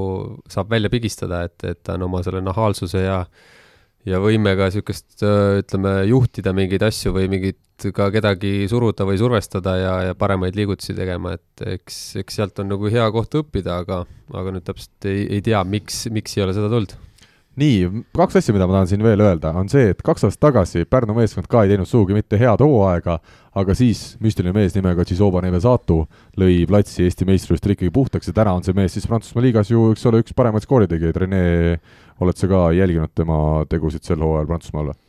no esiteks ma ütlen ära, et ma tean Tšižobat ikkagi nüüd aasta aega ka ja, ja omamoodi mees. omamoodi mees. kas samba, sambamees, ütleme? on, ma ei, tead, päeva lõpuks ma ütlen, on, on, mis, mis seal platsiväliselt on, aga. ma tuletan meelde lihtsalt kuulajatele ka, et äh, Rene eelmisel aastal siis mängis Poitiers äh, Prantsusmaal koos Šisobaga. jaa, kõik teavad et äh, aga, aga päeva lõpuks süda on õige koha peal mehel ja, ja selles mõttes ainult hea meel, kui tal hästi läheb, et äh, kohe tõmban seal nagu cancel'isse selle, et niisugust mentaliteeti kindlasti Plataksil ei ole ja ei ole poole võrra isegi, et sealt niisugust pauku ei tule nagunii, see on kindel. ja, ja jah, Tšisoba selles mõttes ta toimetab seal, et ma loodan, et ta sealt Poitiersist saab minema, sest et see, mida ta vajab, seda ta sealt ei saa, ütleme mängu, ütleme Äh, mängu seda kogemust ja kõike platsid on saanud nüüd küllaga, et äh, tal oleks vaja ikkagi klassiga treenerit, kes, äh, kes viib ta mängu nagu natukene järgmisele levelile ja teades, noh, see ei ole ainult tema süü, et see, ütleme, noh, ta on küll põhimõtteliselt jah, seal ütleme top kolmes äkki ma pakuks skoorimises umbes, et, et aga võistkond on kaheksas ikkagi, et seal Poitersis on omad jamad ja asjad, et et see distribution on ka ikkagi väga, väga lappes, seal on noor sidemängija, kes nüüd läheb Katowicesse, huviga ootan, kuidas, kuidas Poolas teda nii-öelda muutma hakatakse, et lõpuks saaks ka võrkpallist natukene aru see mees, et et, et aga, aga jah, äh, seda sihukest kevadet me kindlasti ei näe. minu küsimus nüüd, äh, Alar, sulle kui äh, vastase meeskonna peatreenerile, et kas sa oled minuga nõus, et millega Pärnu nüüd üllatada võiks, on see, et oleneb muidugi koosseisust, aga neil on olemas selline äh, ütleme siis kuuik, kes kõik löövad tugevat hüppelpallingut, Plataks lööb, Keel lööb, äh, ütleme, Lepik ja Osolins löövad, äh, lööb samamoodi ju ka tempo duo Švans eriti hästi ja Palmar ka, et kas see võib olla nüüd üks asi, millele teie peate rõhku panema? ei ole see eraldi nii-öelda väärt, ma arvan, märkimist, jah, on hüppelt servi meeskond, aga aga meie mehed oskavad nii hüppelt kui planeerivad servi vastu võtta. küll noh, üks asi, millest me ei rääkinud, et meie omavaheline kolm-üks mis me mängisime nüüd pühapäeval. noh, ei olnudki selline koosseis, mille põhjal mingisugust järeldust teha Pärnu poolel siis väljakul. aga me oleme mänginud Pärnuga ainult kaks korda sel aastal ja mõlemad korrad on läinud väga kõvasti nugade peale, me oleme võitnud napilt kolm-kaks need mängud. et Pärnu ei ole meile nii hästi sobinud ja nad on tulnud hea häälestusega ja me oleme võitnud neid ikkagi väga napilt. et ma ei ütleks, et Pärnu nüüd selles paaris outsider on et eh, neil on omad võimalused kindlasti olemas. Ja ega noh, see oli ka põhjus, miks Aavo just meiega seda poolfinaali tahtis mängida. Hmm. Huvitav, huvitav, huvitav. Äh, veel üks asi, mida ma siin su suudan välja mõelda või tuua, et ikkagi tartlastel on jätkuvalt noored, noored ründemängijad, aga samas need noored ründemängijad on ka juba paar hooaega meil siin saanud äh, väga palju karastust ja ma arvan, et selle taha samas ka siin miski vist ei jää, Rene no siin mina nõus ei ole, et mina enam neid nooreks ei nimeta, nad on piisavalt mänginud mm. ja selle jutu võib ära unustada seda on hea, hea, et sa selle kohe ise välja ütlesid, nii siis ma ei peagi Renele sõna andma. võtame siin Selveri meestega veel läbi siis äh, selle Bigbank Pärnu paari mängijate positsiooni haaval ka, Põlluaar Plataks diagonaalis, kummale te siin annaksite eelise? noh, äh, siin on selline lugu, et äh, kas, kas on Põlluäär või on Tammer, et et kui siin ennustamiseks läheb, siis ma arvan, Tammearu isegi alustab diagonaali koha peal. kuidas on, Alar, kelle sa paned siis äh, neljapäeval? no ta ei räägi sulle nagunii, et selles mõttes Pole mõtet küsida ka ja pole see oli loogiline, et äh, Põllukas mängis äh, siin pühapäeval, aga ma arvan, et äh, arvan, et jah, et Tammearu tuleb ja alustab seal, et eks see väike risk selles mõttes ole Tartule, et nad võtavad selle, selle liigutuse sellega ära, vähemalt sellel hetkel, kus, kus neil ei ole kolme nurgaründajat ja, ja, ja ikkagi hooaja vältel on, on seda vahetust vaja olnud äh, üldjuhul, et, äh, et üks nurkadest, kes alustab, tihtipeale ei lõpeta, et äh, selles mõttes naljaga pooleks Tartus tasub kolmas nurgaründaja olla, saad lõpuni mängida raudselt aga Alar, ma annan sulle ikkagi võimaluse siin vähemalt, kui sa tahad öelda meile ära, kes sul neljapäeval diagonaalis siis algkoosseisus on. ma kasutan seda võimalust ja ütlen, et kuula oma tarkasi kolleege Rene ütles sulle väga täpselt ära, mis seis on ja mm -hmm. ütles sulle kohe alustuseks ära, et ega ma sulle mitte midagi ei ütle. vot väga hea, vähemalt omavahel võite edasi seda saadet kunagi teha nii, et äh, mind ei ole enam vaja. aga võtame siis, äh, no siit konkreetset vastust ei tulnud, aga väike eelis läheb ikkagi Bigbankile no jaa, ma Igal usun juhul. küll, neil on ka seal vangerdamisruumi, et, et, et Põllukas iseenesest ka ütleme, on tal siin mingid jamad ka olnud ja nii edasi, aga mis ta, mis tal on see tugev külg ikkagi on see noh, võitlusvaim ja, ja ütleme, kui tähtsad mängud, siis ta selles mõttes ei vea kunagi alt, et ta võib ka, isegi kui rünnak ei jookse, siis ta ikkagi üritab äh, igalt poolt mujalt nii palju kui võimalik ja, ja ütleme, Tartu ikkagi noh, ütleme, kui Tammearu on ikkagi diagonaal, siis, siis see mäng läheb ka natuke teise nurka, aga ütleme, suur osa hooajast on ju võidetud mänge ikkagi läbi nurgaründajate, et selles mõttes kui Põllukale peaks tulema ja, ja nurgad ikkagi toimivad, siis, siis ta võib täitsa seal platsi peal olla edasi ja, ja teha muid asju. ja et Põlluka kasuks muidugi see ka, et kui, kui niisugused tähtsamad mängud on, siis noh, kas või võtame meie karikafinaali Tartuga, siis äh, jah, oli, oli teada, et me võib-olla teda nii palju ei, ei hakka katma, on ju, aga ta kasutas kohe ka selle, selle, selle võimaluse ära ja tegelikult hoidis päris, päris kõvasti enda plokiga ka seal niisugust head energiat. ja kaitse ka. jah, ja, ja, ja ta oli nagu niisugune võitleja, et et ma see praegusel hetkel Plataksis seda ei näe, et ma näengi, noh, nagu Renks ütleski siin mingi hetk, et võib-olla kui on vastane selline, kes lubab äh, hullata, siis, siis on ka nagu äh, mees, kes hullab seal, aga, aga praegult ei ole väga selgelt näinud, kui väga rasketest või raskete vastaste vastu oleks äh, siukseid, siukse energiaga lõpuni pannud. no vaatame jah, ma räägingi, et äh, see, see sõltub äh, ülipalju sellest, kuidas nurgad toimivad, et seeria vältel ja nii edasi, et Albert tõesti on siin hästi mänginud ja, ja Kaips on oma asju ära teinud, aga, aga varem või hiljem ikkagi tuleb ka Albertil see halb päev või halb mäng, kus võib-olla ja siis on vaja mingisuguseid vangerdusi teha, et nii, et otsad on lahti selles mõttes, ma arvan. aga mina ikkagi annaksin selge eelise tegelikult äh, just diagonaalis äh, Tartule, kuna on just kahte meest võimalik kasutada, Põlluäär ja siis vajadusel Tammearu, et äh, et seal teisel pool on meil Plataks ja kuigi noh, ma küll ütlen nüüd, et Kaur-Erik Kais ei ole siin ikkagi võrreldav, aga aga samas see, mis ta pühapäeval tegi, oli päris üllatav minu arust Bigbanki vastu, kas Alar sind ka natuke üllatas, et varumees Kais päris hästi tuli vahetusest sisse? Ei üllatanud üldse mitte no,. ja ei tulnud ta midagi nii hästi vastu sisse. meie ise soperdasime seda ah,. sedasi oli no,. aga, aga no, ma ütlen no, üldiselt see kahe diagonaaliga mängimine selles mõttes ta ei ole kunagi hästi toiminud, aga, aga noh, aru saad, noh, selles mõttes ma saan aru, miks, miks Tartu on seda kasutanud, aga, aga ütleme üldiselt äh, elu on näidanud, et seal on ikkagi see üks mees ja kui sellel ühel mehel on hästi, siis ongi hästi, et, et see edasi-tagasi toimetamine alati ei ole see parim lahendus Toobal ja Keel, minu suured lemmikud, äh, on siin sidemängijatena duell, aga ma eeldan, et ikkagi no enne kui me Kerti hakkame kiitma, siis ütleme, et mõlemal on suhteliselt sarnane ülesanne ka täita, ütleme siis meeskonna juhtimisele. täpselt, et seda nad teevad mõlemad, ma arvan, hästi ja, ja, ja noh, lihtsalt äh, võib-olla Gerdil on äh, seda materjali mingis mõttes natuke rohkem just nagu seal kupli all, et et võib-olla see Gerdi sõna, ütleme ma ei tahaks öelda, maksab võib-olla rohkem, aga, aga see jõuab mängijateni natuke võib-olla rohkem, et äh, kui Gert käratab noore eestlase peale, siis see noor eestlane on äh, mobiliseeritud, kui Marti karjub lätlase peale, siis küsib, mis asja no aga pluss ikkagi Toobali tõste kvaliteet on ka natukene, ma julgen öelda, Martist parem. ei, ja, ja eks no jah, Gert ikkagi annab enesekindlust kõvasti seal nendele meestele, et jah, et Marti teeb nagu enda asju hästi, et võib-olla Gerdi kasuks lihtsalt see, et ta teatud hetkedel saab või, või oskab, ütleme, mingit, mingit oma käekirja muuta, et et Martil võib-olla ei ole see nii lihtne seda teha, jah. no võtame nüüd selle nurgaründajate siis äh, positsiooni, Tammearu, Hurt, Kaibald, meie kuulus kolmik Tartul ja Lepik, Ozolin, Tammiksaar, Popletee, ma panen siin ikkagi neli meest kirja, kuna me ei oska aimata, kes seal siis lõpuks need põhimehed hakkavad olema. Äh, eelis igal juhul äh, tartlastel, samas siin on selline nagu mingisugune ikkagi ärevus või X-faktor Pärnul sees nurgaründajatel, et nad võivad olla päris, päris heal tasemel ja teha üksikud väga head mängud, küsimus on nüüd, kas nad stabiilselt suudavad olla head?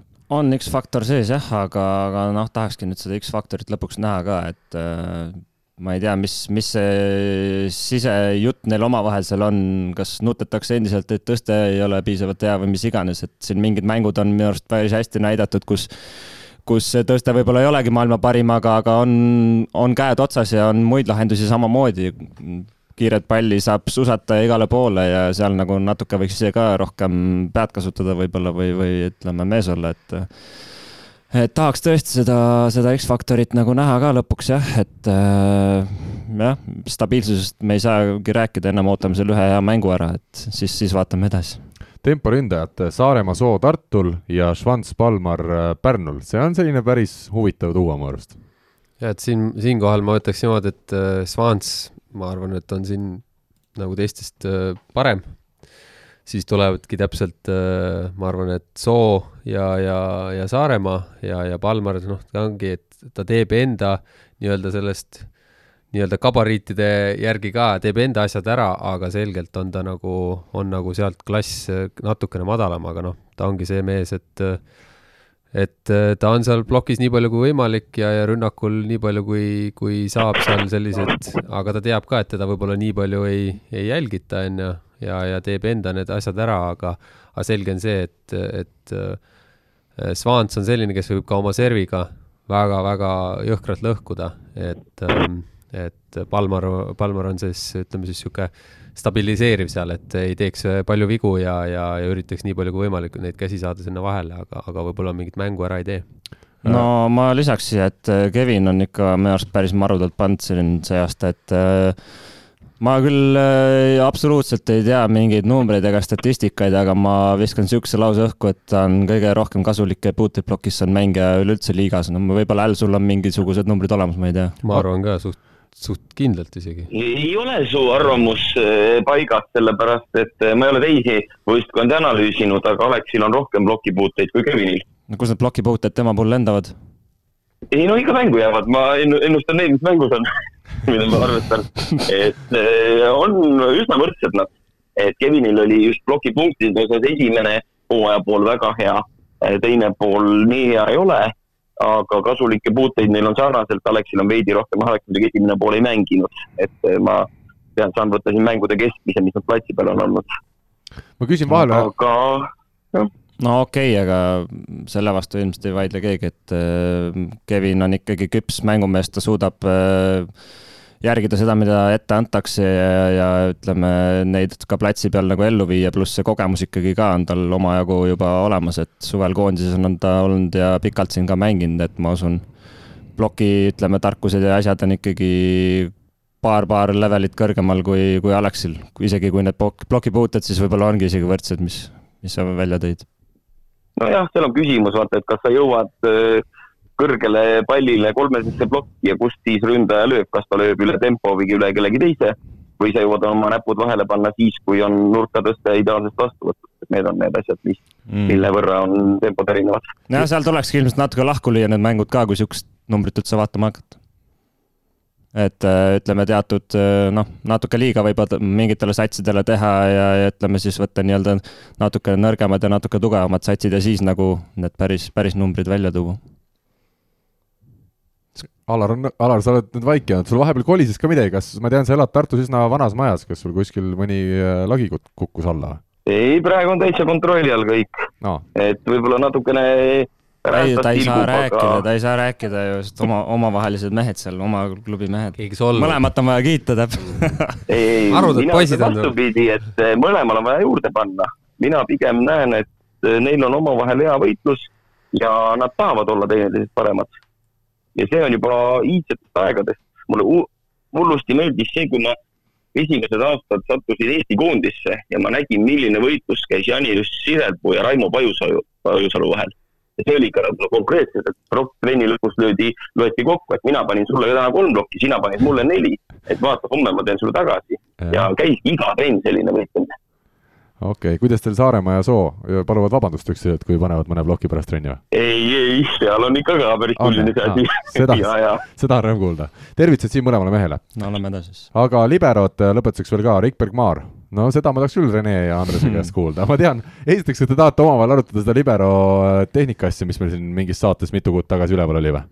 no Eestis... ei, ei hakka midagi siin rääkima täna on äh, aus vastus see, et Rait on parem ja Rait on Eesti parim libero ja midagi ei ole teha kui sa lihtsalt vaatad neid mänge ja kui sa vaatad neid, neid nüansse seal mängu sees ja nii edasi, et äh, jah, võib-olla Raidul kuskil on see piir ees, aga Eesti liiga on ikkagi mingil määral Eesti liiga ja, ja liiga palju neid sada kümme ja sealt üles serve, kus tal võib-olla tuleb see piir ette, neid ikkagi liiga palju ei ole, et, et äh, teatavasti on tal ka ikkagi tervisega natuke raske ja need põlved ilmselt vist vajavad siin mingit putitamist ka mingi hetk, et et kui, kui need nagu püsivad ikkagi mingil määral ja ta hommikul sealt voodist üles saab, siis, siis ei ole nagu selles mõttes midagi teha, et äh, Tartu mängib ilmselgelt süsteemselt ja, ja, ja kui vaadata, kus, kus Maar seal platsi peal kohati mängu käigus on, siis hoiad kahe käega peas kinni ja mõtled, mis toimub, noh. ei, ma just seda tahtsingi öelda, et, et väga raske on nagu panna ka mingile äh, nagu pulgale, sest äh, seal on näha, et kui, kui Tartul on ikkagi kuidagi mingid asjad hästi nagu paigas, siis äh,, siis, siis Maar tõesti purjetab ikka vahepeal seal täitsa müstilistes kohtades ja ja neid vigu tuleb seal nagu ridamisi, et, et selles mõttes jah äh, kindla peale sama... mees praegu võidab äh, ilmselgelt sellist ja. Äh, freelancerit, ütleks. kuidas äh, kõlas, Alar, ood sinu vennale? kõlas hästi, aga ma võin öelda, et ega mina olen Silveri talendi austaja ja kui sa võtad nagu maailma häid liberoid, noh, ma võib-olla kõige paremini võrdleks seda Maari isegi Kermineniga. samamoodi täielik freestyle. mängib ju kaitses peaga, puusaga, tagumikuga, millega vaja ja asub seal, kus ise tahab. Ei, selles ja mõttes ongi, et vaata, äh, me just nagu ei mõtlegi seda, et äh, mis ta seal äh, kaitses, selge see, kaitses on tal, tal üli, ülihea nagu puuted tulevad mingi täiesti veidratest kohtadest ja ta toob sealt päris ägedaid asju üles, aga lihtsalt ongi nagu vahepeal ei saa aru, et mida ta üldse kaitseb seal sellel, et või kuidas ta on seotud selle plokiga, et et kui palju, et äh, kui palju see tõenäosus, kui see asi oleks paigas, kui palju siis selle, nende puudete pealt veel nagu üles tuleb, et seal on see potentsiaal lihtsalt välja mängimata? no ma, ma olen ka lihtsalt võib-olla okei okay,, ma natukene võib-olla räägin nagu frustra-, frustreeritusest ka või, või millestki, et ma tahaks ka näha ikkagi, et need sammud nagu on stabiilselt üles ja edasi.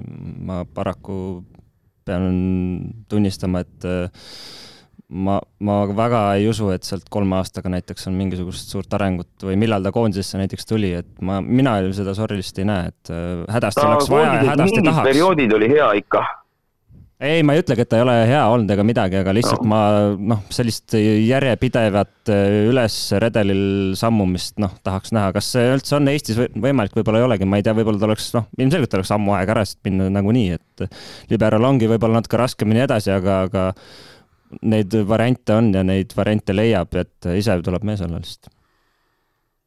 Rene ütles õigesti, et tal on vaja lahkuda, tal on vaja uut keskkonda ja äh, ma ise väga sisimas loodan, et äh, kuna koondise suvi on pikk, siis selle nelja kuuga võiks ta nüüd teha selle korraliku hüppe veel paremaks liberaks ja siit me saime siis esimese ka infokillu, Silver Maar on valitud kahe tuhande kahekümne esimesel aastal Eesti koondise, seda kinnitas meile hetkel koondise abitreener Alar Rikberg.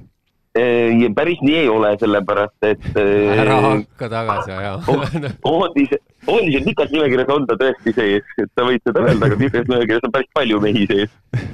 kui nüüd tõsisemalt rääkida, siis jah, ega, ega Eesti koondise treenerkond ka ei maga.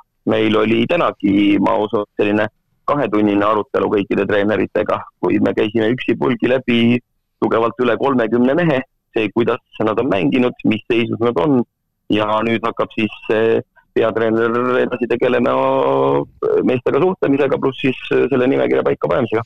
ja Rahvaliiga vend jätkuvalt ei, ei ole seal suures nimekirjas? praegu ei ole Rahvaliigat ja. ja ei sattunud valikusse kahjuks ka mitte või õnneks mitte ühtegi esiliiga mängijat. ja tahaksin öelda, et äh, Rinaldo, kui ta looti see, et teda mainitakse, siis tal on mängumehe, mängumehed särk seljas, et, et sul on Kosovo võib-olla koondisesse äh,. siin on nüüd keeruline mul jälle ennast kuidagi välja. ütleme lihtsalt, et mängumeeste saatejuht äh, Siim Raudla on mu sõber ja kinkis mulle sünnipäevaks selle särgi. aga vabandan kõigi võrkpallurite ees, vabandan siinkohal äh, avalik ülestunnistus. ennustused ka teeme poolfinaalpaaride osas või? tahabki teha? mina võin teha, mina ütlen, et finaalis mängivad Tartu ja Selver. Alar, sul on ka midagi öelda? Mina võin teha ennustuse mitte enda paari kohta Sobib. ja ma ennustan, et eh, oota nüüd vaata ette, sest Selver võidab kolm-kaks. aa, okei sa oled ikka Teppanit järgmine aasta Tartus mängimas näha jah, et sa ikka tead, kuhu poole sa pead oma äh, purjed tüürima, jah? no miks mitte ainult Teppanit, võib-olla on Ats ka juba korras ja mõlemad. no ja vaadates Maari kohta, kui Rikberg peaks lõpetama, siis oleks ju liberat ka vaja võistkonda ja, ja nii ta läheb. jaa, aga Ker-, aga Kerminen on ka üsna töötu, ma arvan, et eh, Dinamas ta istub pingi peal, äkki ta tahab tulla. kui sa vot Kerminini tood Eesti liigasse, siis me oleme sulle, ma arvan, kõik väga tänulikud ja me hakkame eraldi kohe liberoid jälgima ja võtma mingid eraldi punktiarvestused, et saaks ka nendele anda punkti ka mängu järel. Andres ja Rene, anname teile võimaluse, paar Bigbank Pärnu, kes siit edasi läheb finaali. Tartu läheb äh, ja mm, ma ei tea, no tahaks unistada ja loota, aga ma isegi hetkel ei julge Pärnule seda ühte mänguvõitu pakkuda ausalt öeldes. sama, et ma ei julge, aga, aga äkki siis ühe võtavad ära.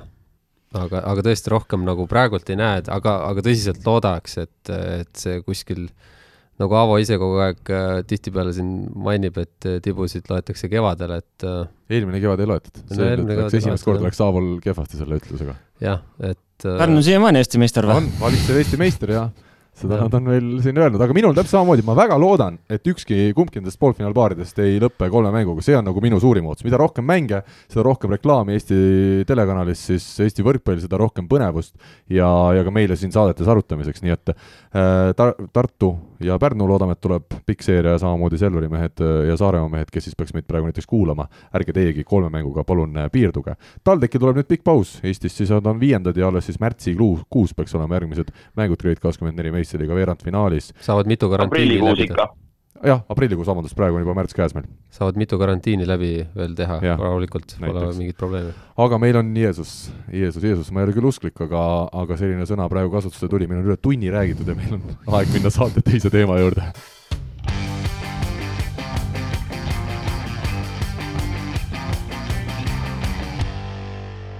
Naiste Balti liigas võitis siis esmakordselt klubi ajaloos kuldmedali TalTech Treidhaus, kes alistas Tartus toimunud kuue naiskonna finaalturniiril poolfinaalis kolm-null Tartu Ülikool Bigbank ja finaalis kolm-null Riia võrkpallikooli.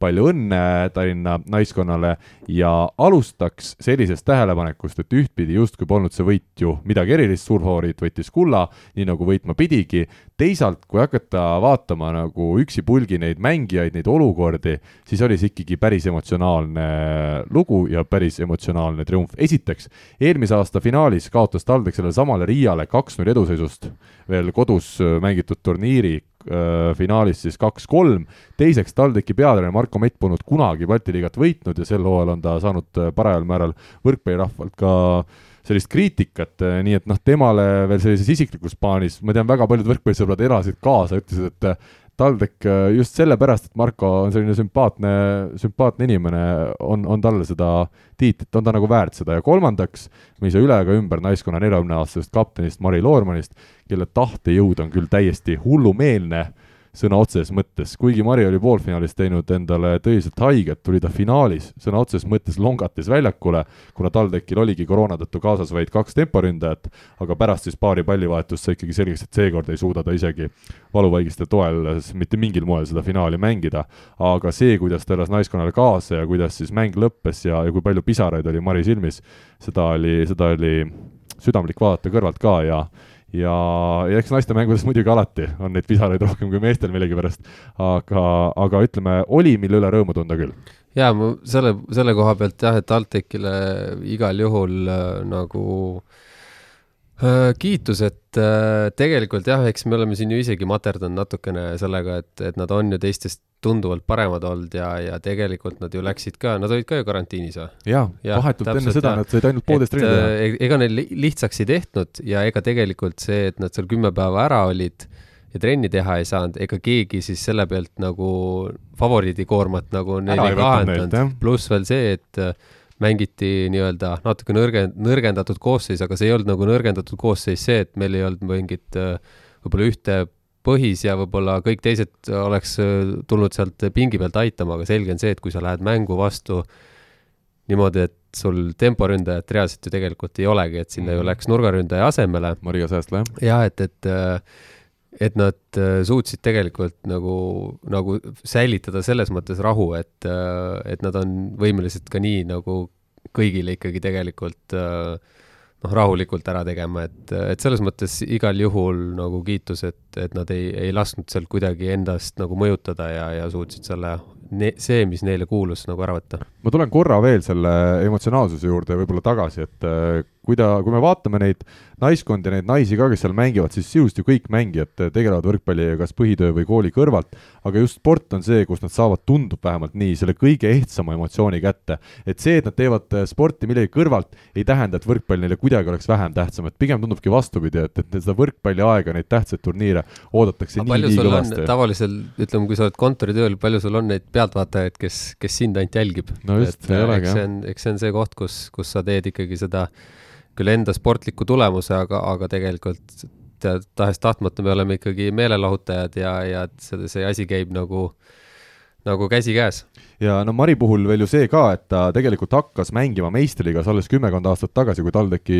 klubi loodi ja Tiit Kõiv ta siis sinna võistkonda kutsus, ehk siis sisuliselt kolmekümne-aastasena, Mari on ise ka öelnud, ta ei osanud unistadagi, et ta võiks kunagi kuskil meistriliigaski mängida, veel vähem olla siis Balti liigaks tulev, Balti liigas võitjaks tuleva naiskonna selline kapten, aga, aga ütleme, mitte ikkagi Mari ainult ei olnud selles finaalis ju oluline, tegelikult mängu tegid ära teised ja, ja Nete Peit Kadi Kullergan vedasid jälle võistkonda oodatult hästi, aga nüüd hästi lülitus sellesse kandvasse rolli ka kahekümne kahe aastane Silvia Bertens, kes asendas siis koju jäetud Merilin Paalot ja tegi seda tõesti üllatavalt edukalt, kuigi ega tal seda võimu ja, ja jõudu on küllaga ja seda tegelikult võrkpalliringkondades teatakse, aga et ta selle ikkagi vastu pidas tähtsas jaa, et eks ta on ju koondise juurde ka ju kuulunud siin ja, ja tegelikult noh, selles mõttes hooaja alguses võib-olla oligi võib-olla kas nüüd hooaja alguses, aga karikafinaaliski Merili Paalo oli tema ma pigem isegi ütleks tema asemel, et oli selle, oli selle koha nagu sinna teeninud, et, et nüüd,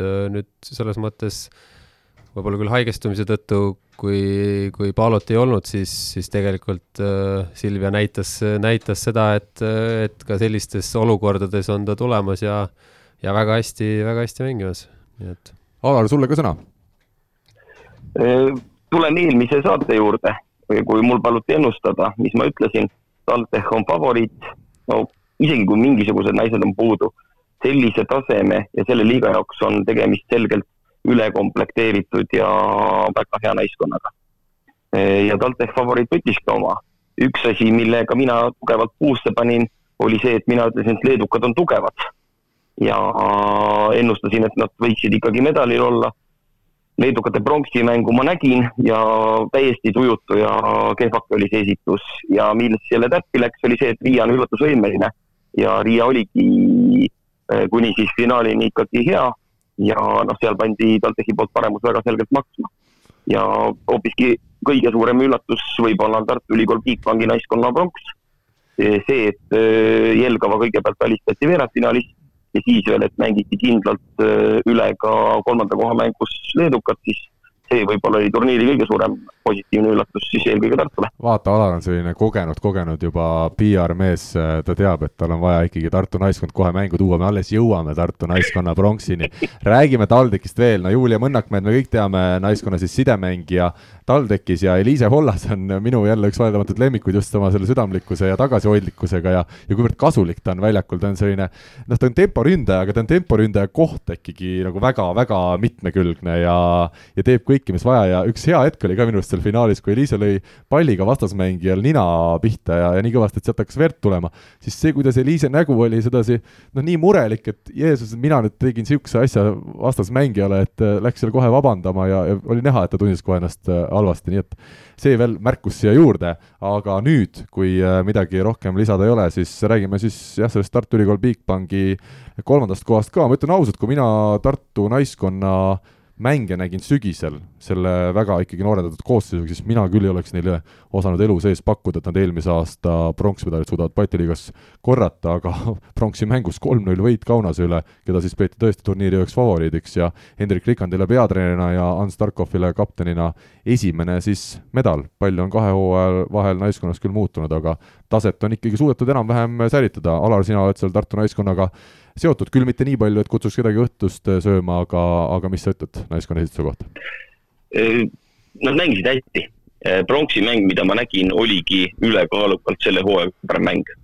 ja tulid asjad välja ja ei tähenda seda, et nad nüüd peaksidki kogu aeg medalil olema, Balti liiga taset arvestades ja ega Kaunas ei ole nõrk naiskond, samamoodi noh, Riia, kes jõudis finaali, rääkimata siis favoriitidest, aga nad võtsidki sellelt turniirilt oma maksimumi ja see oli väga tore ja noh, kui me rääkisime siin tibude lugemisest kevadel, siis äh, et ükskõik, kuidas sa sügisel mängid, kui sa ikkagi nüüd medali ära võtad, siis järelikult võib seda ainult õnnestumiseks pidada. ja ma tooks siinkohal juurde ka, ma arvan, et päris palju andis äh, Ingrid Kiisa tagasitulek äh, Soomest, Soomest, et, et sellele võistkonnale tõenäoliselt ta ikkagi andis, andis päris palju niisugust enesekindlust juurde. jaa, ja Kiski kõrval ma tooks esile ka kahekümne ühe aastase nurgaründaja Annabel Huigi, kes siis jaanuarikuus valiti liiga parimaks mängijaks. ma ütlen jälle ausalt, minu jaoks enne seda hooaega oli ta ainult nimi paberil, aga väga võimsa ründa, nurgaründajaga on tegu ja, ja mulle tundub küll, et väga konkreetne kandidaat ka suveks Eesti koondisesse. Andres, kas sa julged meile siis kinnitada, et on ta seal koondise kandidaatide nimekirja juures? no selles mõttes äh, eks me, eks arutluse alla käivad need siin ikka, et aga, aga, aga me ei ole veel nii paika pannud ja, ja tegelikult on see, et, et äh, väga laiaks seda asja võib-olla ei saagi ajada, sest mängud tulevad kohe peale, et eks, eks sellist aega, et kus, kus nüüd hakata uuesti klapitama kõiki mängijaid, et seda, seda aega lihtsalt ei ole jah, Ingris Suvi siis äh, valiti parimaks diagonaalründajaks turniiril, kui Kadi Kullergan TalTechi diagonaalründaja sai üldse selle finaalturniiri parima mängija tiitli. aga jah, keda siin veel korra mainiksin, ikkagi Ants Tarkov, naiskonna sidemängija, kolmkümmend pluss on vanus äh,, ema, siis arst ka veel ja, ja ütleme, ei ole kunagi ju elus ka nüüd väga äh, väga suurt äh, rolli minu teada mänginud, ma ei tea, võib-olla siin Andres oskab midagi juurde lisada, aga aga jälle selline huvitav, emotsionaalne lugu. ta on olnud võistkonna juures, aga ta on kogu aeg teine ja. side olnud. jah, pigem just, jah. vähemalt viimastel aastatel mina ka nii palju olen äh, asjaga kursis, aga jälle, kui sa teed intervjuudki pärast äh, seda pronksi mängu Hendrik Rikandi, peatreeneri ja, ja Starkovi, kuidas nad võtavad kohe ümbert kinni, neil on nii tähtis see pronksmedal ja ja niisuguseid lugusid on nagu tore vaadata, et sellepärast see naiste võrkpall on, on ka vahva vot, äh, aga Alar, sulle küsimus, kaks head sõpra sul, Kristjan Kais, eelmise aasta peatreener ja sel aastal siis Hendrik Rikand. kumb nüüd siis parem naiste treener on? ei tea.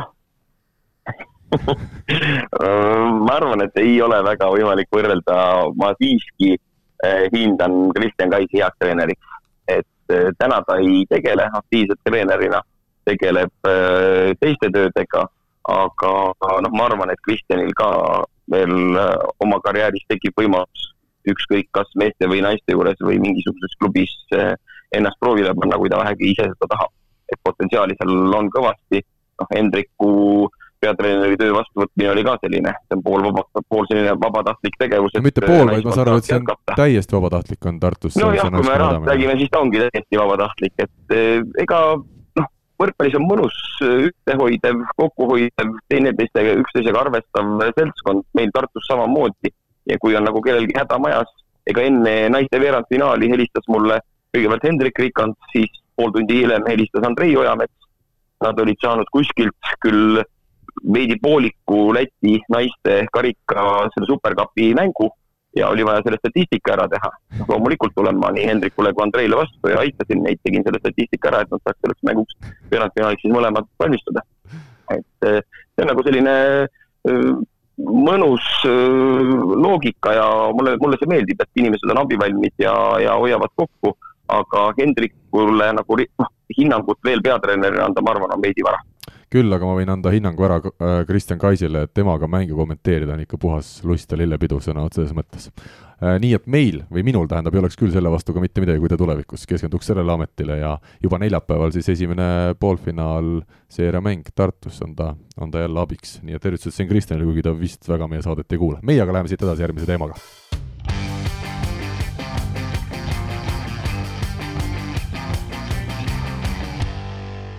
Rene on ka naasnud mikrofoni taha, vahepeal ta käis kohvi joomas ja ei käinud. käisid, aa, vett käisid toomas. ja uks ei tulnud lahti, aga sai, sest me rääkisime nii kaua naistest, et ta sai lõpuks ukse lahti ja tagasi ka ja mure lahendatud. aga nüüd räägime Rene Meelis teemadel, see on siis kõik see, mis toimub. ei, asi ei ole Meelis või mitte, ma ei. asi sulle meeldib? ja, ja selles mõttes küll, aga, aga tunnen lihtsalt, et äh, see on natukene võib-olla võõr, võõram maa minu jaoks, ma ei, ei tee seal suud lahti, kus ma ei ole sada protsenti kindel väga õige, aga noh, vähemalt sulle naised meeldivad, see on, see on, see on oluline ja, ja esmatähtis. mujal maailmas siis alustame sellest, Rene tahab uuesti uksest välja minna. Karli Allik ja Königs Wusterhauseni Netsoppers kaotasid siis Saksamaa karikafinaali Mannheimis null kolm äh, Frankfurdile aga igas game'is ikkagi põnevust jagus, Karli Allik äh, algkoosseisus karikafinaalis Saksamaal kümme punkti, oma võistkonna resultatiivsem pluss kaks. et see muinasjutt, mis ikkagi Saksamaa mõistes väikeklubi korda saatis, see oli, see oli äge ja siinkohal teeme selle aplausi ka ära, kas see oli see nupp, Andres? see, nii, see on nüüd Karli Allikule ja kogu Saaremaale ja kogu Eesti võrkpallile. Mis me ütleme kokkuvõttes, kas finaali keegi jõudis ka põhjalikumalt jälgida, mina ütlen ausalt, siis käis Tartu ja Pärnu mäng ja mina seda vaadata ei saanud lihtsalt ma nägin ka episoodis, et, et noh, nii palju, kui ma nägin, et ega see Frankfurt ikkagi on sisukam võistkond, midagi teha ei ole ja ja, ja natuke kindlasti rohkem ka neid mänge mänginud, et kui vaatad, kes seal, kes seal võistkonnas on, et on, on kuulutud äh, Freeshuffle'ist vähemalt kaks meest ma nägin seal ja, ja nii edasi, et nad on mänginud neid äh, tähtsaid mänge kindlasti rohkem ja, ja neid Champions League'e, mis iganes omal ajal, et äh, see, selle taha võib-olla juba natuke jäi, et ma usun seal tahtmise taha kindlasti ka, ka Alliku satsile ei jäänud, aga, aga lihtsalt äh, oligi see võib-olla natuke kogenematus ja ütleme, tahtmine ületas võib-olla võimet teatud äh, mõttes ja, ja võib-olla ei suudetud oma mängujoonisest kinni hoida või lihtsalt jäidki nii hullu surve all, et seal ei olnudki muud teha, et äh, M, M-kumb, aga, aga noh, ilmselgelt see oli ju saavutus omaette, et nad suutsid selle meeskonnaga finaali välja jõuda ja selles mõttes kindlasti, kindlasti respekt ja hea meel. Äh, Alar, tuleme sinu juurde, kuna sa ikkagi jätkuvalt oled meil koondise abitreener, siis äh, küsimus, kas äh, Allik, kes möödunud suvel võitis Pärnumaa meistrivõistluste avaetapil rannavõrkpallis ühe toreda tegelasega esikoha, kas te täiesti uskumatu endale on. millised spordialased või need teadmised, teadmised.? kas Alar, kas nüüd tuleb ikkagi koondise tagasi võtta Allik sel aastal, Cedric Enard ju ka meil peatreener on, on, on sealsamas Saksamaal treenerina töötamas ja ja, ja Allik tagasi koondisesse. poolfinaali kaotuse pärast äh, jah, võib-olla hoopis niipidi. ega ma võin enne Alli kohe ära öelda, et ega seal nurgaründajate seisust ilmselt neil ongi kõige keerulisem ja see valik ongi kõige suurem, kui hakkad erinevaid igasuguseid, ma ei tea, klubide eest tehtud äh, asju välja tooma ja teeneid, mis nad seal välismaal teinud on, et see see, see list võib-olla tõesti on päris suur, et äh, noh, kui sa seal hakkad ekseldama, eks siis see paratamatult jääb väiksemaks ja, ja ega üle kuue, ma pakun, ei tule neid nagunii laagrisse, ma ei tea, kas ei olegi mõtet, et, et aga, aga seal peamurdmist natukene kindlasti neil on. no nii, Alar, mis sa kostad siis? ma kostan nii palju, et eh, tean, et treener on hoidnud tal, peatreener siis silma peal. no oleks ka imelik ja..., kui ei oleks ju Saksamaal mees. skautima peab ju ja mitte ainult selles mõttes, et tema kui siis Saksamaa vastasvõistkonna mängija, vaid ka tema kui potentsiaalne Eesti koondise laagris osaleja. et need valikud ei ole veel tehtud minu isiklik arvamus on see, et äh, tundub, et selle hooaja põhjal on jällegi hetk, kui tuleks äh, allikut vaadata, tuleks treenerite poolt üle vaadata. ta on käinud erinevatel hooaegadel laagris ja ta on seal esinenud paremini ja halvemini. et ta on ka hädas olnud omajagu. Eesti meestel on selline eelis lihtsalt võib-olla nii Saksamaa kui kõikide teiste teistega võrreldes, et äh, Eesti koondise mängijad oskavad tema vastu mängida ja sellepärast ta võib trennis päris suurde hätta jääda, eriti kui sa tead, kuidas tema plokis ja kaitses mängida. aga kas ta on edasi aga, läinud ikkagi sel hooajal, on ta edasi läinud? Ehm, no ma olen mänge näinud, eelmine aasta, ega ta ei olnud ju Selveris halb. ta tegi ka väga häid mänge, aga millegipärast juhtus nii, et eh, ta selliste tugevate vastaste vastu tihtipeale kas siis kangestus või ei tulnud tal nii hästi mäng välja. et ega ta ei ole kunagi olnud eh, mingi halb mängumees või et ta ei peaks jälgima või midagi niisugust.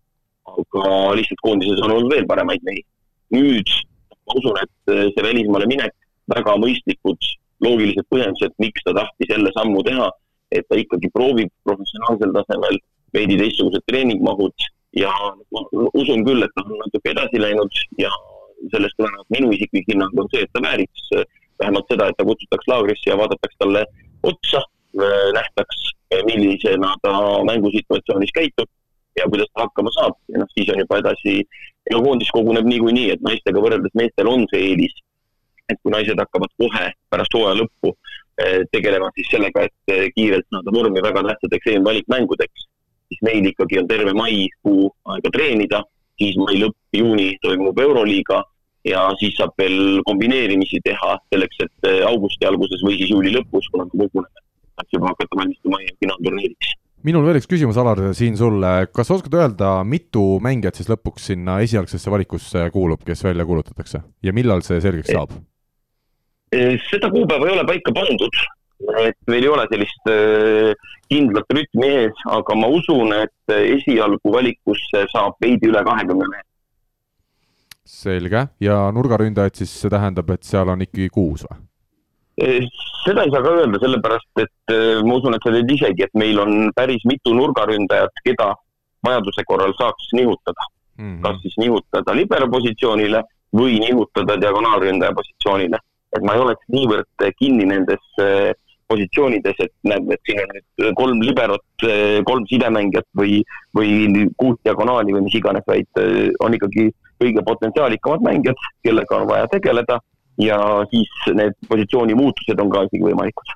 No Saksamaa teemal jätkates veel väga lühidalt, Martti Juhkami kogus siis Friedrichshafeni võidumängus Kiiseni üle kakskümmend neli punkti pluss neliteist ja Friedrichshafen tagas äh, siis põhiturniiri võidu äh, Saksamaal ja läheb play-off'ile vastu parima asetusega, nii et Friedrichshafeni mehed on saanud ka sellest meistrite liiga siis õnnetust äh, hooaja lõpust üle ja isola-, isolatsioonist välja.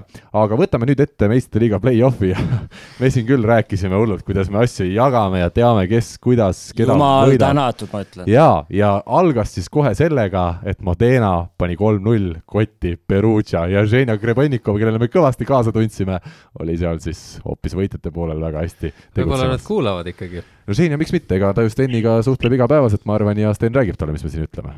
nii, aga Rene, nägid seda mängu ja mis muljed? no katastroof oli seal nii täie raha eest, ütleme, seal oli veel ja veel ja veel, et äh, või noh, jah, okei okay,, ütleme siis, et äh, kaks, kaks paari läksid natukene eeldatavalt, kaks, kaks ikkagi natuke üllatust no ütleme, üks oli sihuke poolüllatus, aga see, mis Perugias ja Modenas ikkagi no Perugia ilmselgelt pani hooaja kõige kehvema mängu, ilmselgelt nad tulid minu arust alahendama asja. teisest küljest, kas, kas see näitab ka natuke seda, mis sisepinged on võistkonna sees, neid on palju, seal on juba ära öeldud, kes ei jätka umbes ja kes jätkab suurel määral. Et neid jamasid ja kõike seda on äh, ka väljakule võib-olla jõudnud, aga ütleme noh ega oligi paanika selles osas, et Leon ei toiminud nii, nagu ta tavaliselt toimib, et äh, ja, ja ümberringi ka keegi nagu ei osanud eriti aidata, teisest küljest Modena pani ikka väga vägeva mängu, et äh, mehed, kes, kes nagu ei ole harjunud, et niimoodi. sinu sõber Vettori, jah? näiteks Vettori mängis jah. viiekümne kuue prosa peal teda ikka tihtipeale vist ei näe või? jah, ja teine nurgaründaja Lavia, et äh, kohalik jõhkra potentsiaaliga Itaalia nurgaründaja, kellest loodetavasti saab ka siis asja tulevikus, et mitte, et ta kehva praegu oleks, aga kindlasti tast on ainest rohkemaks, et et kolm-null jah, ütleme siin noh, ma ikkagi endiselt miskipärast natuke arvan, et Perugia on favoriit ja, ja eks see korralik sihuke äratus neile oli, et et äh, pakun endiselt, et kuldset game'i me võib-olla seal paaris näeme, et. Äh, tead, ma ütlen ausalt, siinkohal ma võtsin vastu otsuse, kuna see kordusmäng on teisipäeva õhtul, siis ma panen tegelikult selle siis meie sinna keskkonda üles, selle saate enne seda mängu, sest need, kes meid ikkagi kuulata tahavad, et nad saaks enne seda teist mängu selle saate kuulatud juba aga, aga sa usud, et Perugia tuleb siit välja, jah no? teine jaa, mäng on Perugia kodus? jaa, on, et äh, seal ikkagi on äh, on see äh, üks game ka eksimusruumi, et äh, nad võivad ka kolm-üks võita, et mitte ei pea kolm-null võitma, et seda kuldset game'i mängida, mis natukene selles mõttes on äh, sihuke kahe otsaga asi, et kui ikka kolm-null, siis võiks vastu ka kolm-null panna, et mis see noh, see üks game nagu tundub suht sihuke tühine, et et aga, aga Perugia kindlasti vajutab juurde ja, ja ma endiselt ikkagi noh paljudes äh, podcast ides on see ennustus ja, ja mingisugused Betsafe'id ja värgid, et kui keegi panustada tahab, siis ma endiselt jul-, julgustaks Perugia peale raha panna. ma nüüd loodan, et Betsafe seda... tuleb meil saadet saadet toetama, et just nemad välja tõid, sest mingit seost meil nendega ei ole, aga, aga äkki, äkki nad kuulavad. et selles mõttes ma ka ei näe väga suurt tõenäosust, et äh, Leon jääks, ma ei tea, alla kolmekümne prosa seal rünnak ja, ja Oleg oli ka, ma ei tea, seitseteist üldse vist või midagi siukest. no ikka kohutav, kohutav. selles mõttes siukest kahte mängu järjest, siis, siis, siis on ikka, seal peavad midagi väga halvasti olema, et. nii, Alar, anname sulle ka sõna, aga ma ütlen lihtsalt ära, et liiga kaua nüüd sellest samast mängust ei saa rääkida, sest meil on siin teisi mänge veel meistrite liigas, millest me tahame rääkida. ma usun, et Perugia võtab kuldse game'iga ära ja ennustan, et kui ei võta, siis nii nagu sai oma tööst lahti Fernando de Giorgi, saab järgmisena oma töökohast lahti Vital Hainen vot sulle. see on väga jah, tõenäoline, teisest küljest eh, see liigutus tehakse nagunii ära, nagu Lube samamoodi plaanis, aga, aga kas, kas see, keda nad plaanivad, minu arust seal on natuke rohkem segadust kui Lubel, et Lubel oli uus mees välja vaadatud ja asi oli suhteliselt kindel, siis Peruutsial ma ei ole veendunud, et see asi tänaseks ikkagi nii kindel veel on, et seesama mees, kes, keda plaanitakse, on kohe ka võtta nii, aga lähme siis sinna selle paari juurde, Civitanova Lube kaotas esimese mängu üks-kolm Poola esiklubile Saksale, see on siis see paar, mida me pidasime ja kogu võrkpallimaailm peab selleks kõige põnevamaks veerandfinaalpaariks. Ja Lube teatas siis pärast kaotust, et äh, vallandab peatreener De Giorgi ja Itaalia koondise vist, eks ole, praegune peatreener äh, Gian Lorenzo Plenini. Plengini, jah. Plengini no ütleme nii, et kui ma jällegis küsisin, kas, kas äh, eelmine saade, et kas äh, Saksa on läbi aegade võib-olla parim Saksa, siis selles mõttes ma natuke ütlen, et on, et täna mulle tundub, et Saksa oli valmis võitma Lubet. et ikkagi varasemalt on mindud platsi peale endast maksimum küll antud, aga võib-olla natuke usust puudu, siis täna täna Saksa vaimselt oli valmis äh, ka võitma seda mängu, isegi kui ütleme, seal teine game tegelikult anti initsiatiiv ära, oldi võimelised tagasi tulema ja ikkagi uskuma, uskuma, uskuma. et okei okay,, äh, Lube kahjuks räägib ka see, et ka seal on omad mingid löömad seal sees, noh, nüüd me saime kinnitust, et asi, asi oli hapu, et äh, et vaevalt, et Georgi lihtsalt selle ühe kaotuse pärast oleks minema saadetud, et ju siis, ju siis enam ei kannatanud enam välja seda olukorda seal üks või teine pool, et oli midagi nagu kiirelt teha, et Plegini selles mõttes on ju vana kala ja, ja eks loomulikult äh, ka eemal olles koondise peatreenerina ta teab väga hästi neid luube siseasju ja, ja tal oli see klapp väga okei okay kunagi selle meeskonnaga, nii et selles mõttes see pulti hüppamine saab väga valutu olema, ma usun, ja, ja mingit värsket õhku alati see vangerdus ka nagu annab selles mõttes, et, et aga, aga aga et nad kodus andsid kolm-üks ära, mitte kolm-kaks või, või mis, mis iganes, et see selles mõttes oli valus, et Getšersin Kozles minna ja, ja panna samasugune nätakas vastu, jah, Lube on võimeline selleks, aga, aga aga ikkagi ülimalt kuratlikult keeruline värk ja selles mõttes on ülikõva näha, et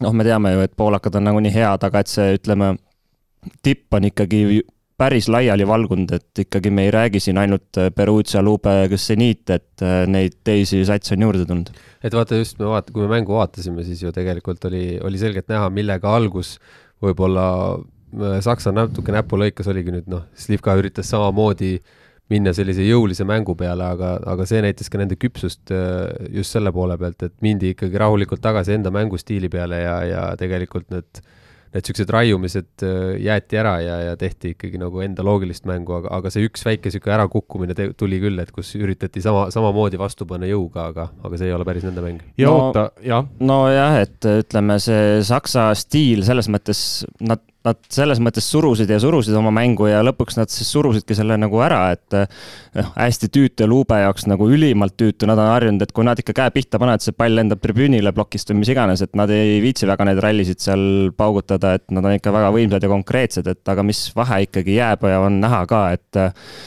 et see servi võimsuse vahe ikkagi on olemas täiesti, et äh, seal viis kuni kümme kilti tunnis ikkagi, ma arvan, äh, on see keskmine kiirus ikkagi hüppelt servijatel äh, suurem just luube poole, et. ja seda näitas ka statistika, üksteist ässa luubele ja tegelikult ainult kuus Saksale aga ometi jah. nojah, seal Simon ikka paugutas omajagu juba üksinda, et, et see on see, see nii-öelda teema, mis luubel on ikkagi nagu eelis, et aga, aga ütleme, kui Saksa, Saksa ikka suudab seda palli seal kolme meetri lähedal hoida, siis on kuratlikult raske. nii, aga Alar, nüüd tuleme sinu juurde ja ikkagi mainin ära, et äh, ei oleks Saksa seda mängu võitnud, kui Alar Rikberg ei oleks Lubini Kuprumis aastate eest teinud väga head tööd äh, tänase siis Euroopa ikkagi super diagonaali Lukas äh, Kaczmarekiga. viisteist punkti pluss üksteist, Alar, palju õnne sulle, on see sinu töövili? Ei võta ma seda vilja endale, aga Giannile võib küll sellest väga suure osa panna, sest meile trenni saabus ikka kohutav toorik. ja ma võin selle loo ka ära rääkida, võib-olla on ja, huvilisi, kuidas need asjad käivad. et kuidas siis Lukas Kaczmarekist sai Lubini mängija. meil oli väike selline rahulikum aeg. mäng, ei, meil mänge ei olnud ja siis meil oli vaja sõprusmängu, aga meistriliiga klubid olid muude plaanidega ja me tegime, see on isegi mitte enne hooaega, vaid see oli hooaja keskel, me tegime ühe sõprusmängu, kas ta oli siis esimene liiga, jah, esiliiga meeskonnaga, kes asus sealsamas regioonis. ja, ja sõprusmängu eesmärk oli see, et keegi rääkis midagi ühest nurgaründajast, nurgaründajast. Ja. ja see mäng oli täpselt selleks tehtud, et ära vaadata, mis mees see Lukas on. ja mängu lõpuks äh, ütles Gianni meie klubi presidendile, tehke talle pakkumine sellises summas, kolmeaastane leping. Mis summa, mis summa? ma arvan, et see suurusjärk on umbes kakskümmend tuhat eurot aastas. ehk siis kuupalk, ütleme, ütleme kaks tuhat eurot kaks tuhat eurot kuus jah, ei midagi erilist, oli küll äh, selline veidi su-, äh, kasvav, et kõik aastad ei olnud samad, aga esimene aasta võis jah olla kakskümmend tuhat. ja siis äh, president ütles selle peale, et hea küll, et hakkab nädala lõpp pihta, et esmaspäeval tegeleme sellega, mille peale Gianni ütles, ei, te ei tegele sellega esmaspäeval. et äh, Lukas mängib Poola üliõpilaste meistrivõistlusi. ta oli juba ju enne tulnud rannavõrkpallis noorte seas maailmameistriks et äh, selle, et selge on see, et üliõpilaste meistrivõistlustel on kõikide suurte klubide talendiotsijad kohal. esmaspäeval pakkumist tehes on see mees meil juba kadunud, ei olekski juhtunud, ehk siis Lukasega tehti hästi kiirelt leping ära. kui ta kohale tuli, ega ta oli ikka selline mees, kellega oli vaja kõvasti-kõvasti tööd teha ja vaeva näha, aga, aga ta tahtis ja mulle nagu väga meeldib see stiil, kuidas ta mängib. Ja noh, ega nurgaründajast sai ju mingi hetk hoopiski diagonaalründaja ja sellel positsioonil ta ongi heaks saanud ja nüüd, kui ma tulen selle Rene ka arutelu juurde, ma mäletan, kuidas ma vastasin, Rene küsis mu käest ju eelmine kord, kui me koos saates olime, et kas äh, sa ei arva, et Saksa on parem, kui ta oli mullu, mille peale ma vastasin nõksa. aga ma absoluutselt äh, kohe pärast saadet hakkasin selle peale mõtlema, et aga Kaczmarek oli ju vigastatud. ja see ongi nagu väga suur erinevus, miks Saksa on sel aastal parem, kui ta oli eelmisel aastal. ja kui nüüd sellest paarist ja sellest mängust rääkida, siis noh, palju sai ära räägitud, aga mina olen jätkuvalt veendunud, et eh, üks mees, kes oma mängu ära ei mänginud, oli Šlihka, ta on võimeline paremaks. ja teine mees, kellel nii rünnakul kui eelkõige servil on päris palju juurde panda, panna, on siis David Smith, USA koondise temporündaja, kellega me koos olime Rešovias. et Smithi mäng ei olnud kindlasti nii hea, nagu ta on võimeline mängima nii et see varjatud Kuuba koondis eh, teises mängus lüüakse kodus eh, veel suuremalt nagu põhja, ütled sa, Alar või? ma, ma usun küll, et vaadates seda mängu ja kui ladusalt need asjad jooksid, et kodus mängida Saksa ka, et ma panen, paneks oma äh, raha praegu küll nende peale. palju sul raha on praegu? Ei ole eriti palju, nii et ma ei pane. Ma ütlen veel nii palju siis äh, Kaczmareki kohta, et äh, kui ta Lubiniga liitus, oli ta kahekümne ühe aastane, ta mängis Lubinis siis äh, kolm hooaega ja alates kaks tuhat kaheksateist on ta siis olnud tõesti juba selles Poola tippklubis Saksas ja alates kahe tuhande seitsmeteistkümnendast aastast tegelikult juba Poola koondises, et see on ikkagi päris üllatav minu jaoks, aga ma ei tea, võib-olla Poolas asjad nii käivadki, et kahekümne ühe aastane mängumees oli alles siis tol hetkel veel Poola esiliigas mängimas kõva konkurents. no ta tuli ju, tal, tal oligi nagu vaja neid vahesamme ka, sest ta ju tuli ju rannast reaalselt mm kakssada neli sentimeetrit pikkust, selline mees. ta võitis tolle MM-i noortes ära, kus, kus ka mina osalesin Sifriga tookord. kuidas teil läks? saime avaringist sisse. kelle, kelle süü see oli? kas mitte minu. mitte sinu, jah? tervitused äh, Priidule, jah? Mikk Markusele aga noh, tore, et kursis oled jälle asjadega. kusjuures, ei ma, ma tean äh, Mikk Markust äh, ka hästi, aga mul, mul oli kümnevõistluses konkurent Priit Sihver, ta oli ka kusjuures Audenteses. ma tean teda ka, jah. no näed, tervitusi siis mõlemale, aga ma ei tea, mis ma Mikk Markusele järgmine mm -hmm, kord ütlen. järgmine mäng nii, aga jah, kaks mängu on meil siis rääkimata veel jäänud ja nendest me pikalt ei räägi, aga Kaasani seniit võitis Belhatovis Grad äh, avamängus siis kolm-üks, kõik nii, nagu kokkuvõttes pidigi ja Trentino sai Berliinist jagu ka kolm-üks, nii et nendes paarides tundub, et kõik läheb sedasi, nagu pidi minema. Jah, aga selles mõttes siin see Kaasani koha pealt ka, et Kaasan oli tegelikult haavatavam kui, kui Belhatov seal tegelikult ära oleks või võttis, et seal on, seal on omad, omad mured, et see, see koht oli küll, kus, kus oleks saanud vähe, vähe tugevamini hammustada, et Kaasan ei näidanud absoluutselt midagi sellist mängu, et, et nende vastu ei peaks saama. no nii, aga väike kommentaar Berliini kohta veel, et eh, küsisin ka ise Cedric Denardi käest selle mängu kohta ja vaatasin seda mängu otsast lõpuni ja mõtlesin, et kui vaadates, et Berliin on praegu Saksamaa tabelis kolmandal kohal, et kui Berliin mängib ka Saksamaal nii, kui kõva see Saksa liiga tase on. aga ta ütles mulle ausalt, et see oli nende hooaja üks paremaid mänge. et Berliin ei mänginud üldse kehvasti Trentino vastu ja neil olid omad võimalused, jätsid seal ühe game'i lõppu võtmata, ühe napi game'i võtsid ära, et see oli oodatust isegi tasavägisem mäng ja Berliin eelkõige, nagu Cedric ütles, servil tegi oma hooaja parima mängu, aga nad võitlesid tublisti ja ja noh, ma ei näe muidugi võimalust, et nad sellest paarist edasi läheks, aga meie ennustasime eelmine kord ikkagi natuke suuremat äh, Trentino üle ühe asja ma võtsin siin veel välja, kui me välismaal toimuvast räägime, ikkagi natukene jälle eestlastega seoses, Prantsusmaa meeste meistriliigas kohtusid siis eelmisel nädalal Ardo Kreegi ja Markus Keele koduklubid ja kolm-üks jäi siis peale Kreek ja Arago Desset, Kreek võit, võitis seal siis nii, Nice'i vastu kaheksa punkti pluss kaks, aga Keel nüüd Nice'i ridades kaasa ei teinud, ma ei tea, Rene, Andres, Alar, on teil kellelgi infot ka Markuse hetkeseisukohta? mul on info olemas, väga värske ja loogiline. ehk siis Markus võeti sinna põhjusel, et nende põhisidemängija sai vigastada. ja nüüd on see põhisidemängija tagasi. et see. asjad ei ole nagu hullust ega midagi, ta on öelnud ise, et trenni kvaliteet on väga tipp-topp, ta on rahul seal aga lihtsalt kuna mees tuli tagasi ja mängukorras, siis nüüd on tema taandunud teiseks side. no klassika selles osas ka natuke, et äh, imeline paranemine toimus seal väga lühikese aja jooksul et... seda juhtub eriti Lõuna-Ameerika meestega väga tihti oota, millal te vihjate? ma muidugi ei tea, mis maalane tal üldse side on, aga. no selleni, et ma ei usu, et Margus, Markusele äh, räägiti, et ta seal ainult kaheks mänguks tuleb, et äh, ju siis lõunamaa mees võttis jalad kõhu alt välja ja vaatas, et ai, jamaks läheb ja tuleb ikka tegutsema. kui ma õigesti mäletan, on argentiinlane või? jah. aga ma ütlen nii palju ka, et ega tabelis nüüd ei ole kummalgi meie, meie mehe koduklubil midagi hästi, mõlemad on hetkeseisuga play-off'ist välja jäämas, aga seal vist veel mingi väike šanss on äh, vähemalt setil. meie aga siit võtame ette tänase saate viimase rubriigi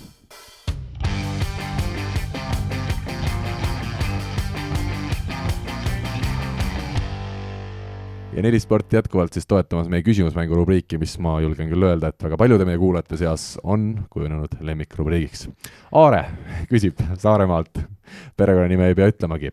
kas võrkpallurite käes olevat nii-öelda ründepurakat ka mingi aparaadiga mõõdetakse või on see pigem selline visuaalne jälgimine ning vastasmeeskonna murtud sõrmeluude nihestuste kokkulugemine traumapunkti registreerimisraamatust, nii see loetakse, on isegi olemas. kusjuures on äh, täitsa maailmaliigas on minu arust mingi aparaat olemas, mis äh, ründekiirust isegi täna mõõdab. et sihuke uuendus on minu arust täitsa olemas nüüd. see peab mingi 3D värk ilmselt siis olema, et ta kogu selle nagu ruumi katab ära ja, ja seal on igasuguseid vimkasid, näitab löögikõrgust ja nii edasi, et äh, see on küll ainult jah, minu arust hetkel ainult maailmaliigas.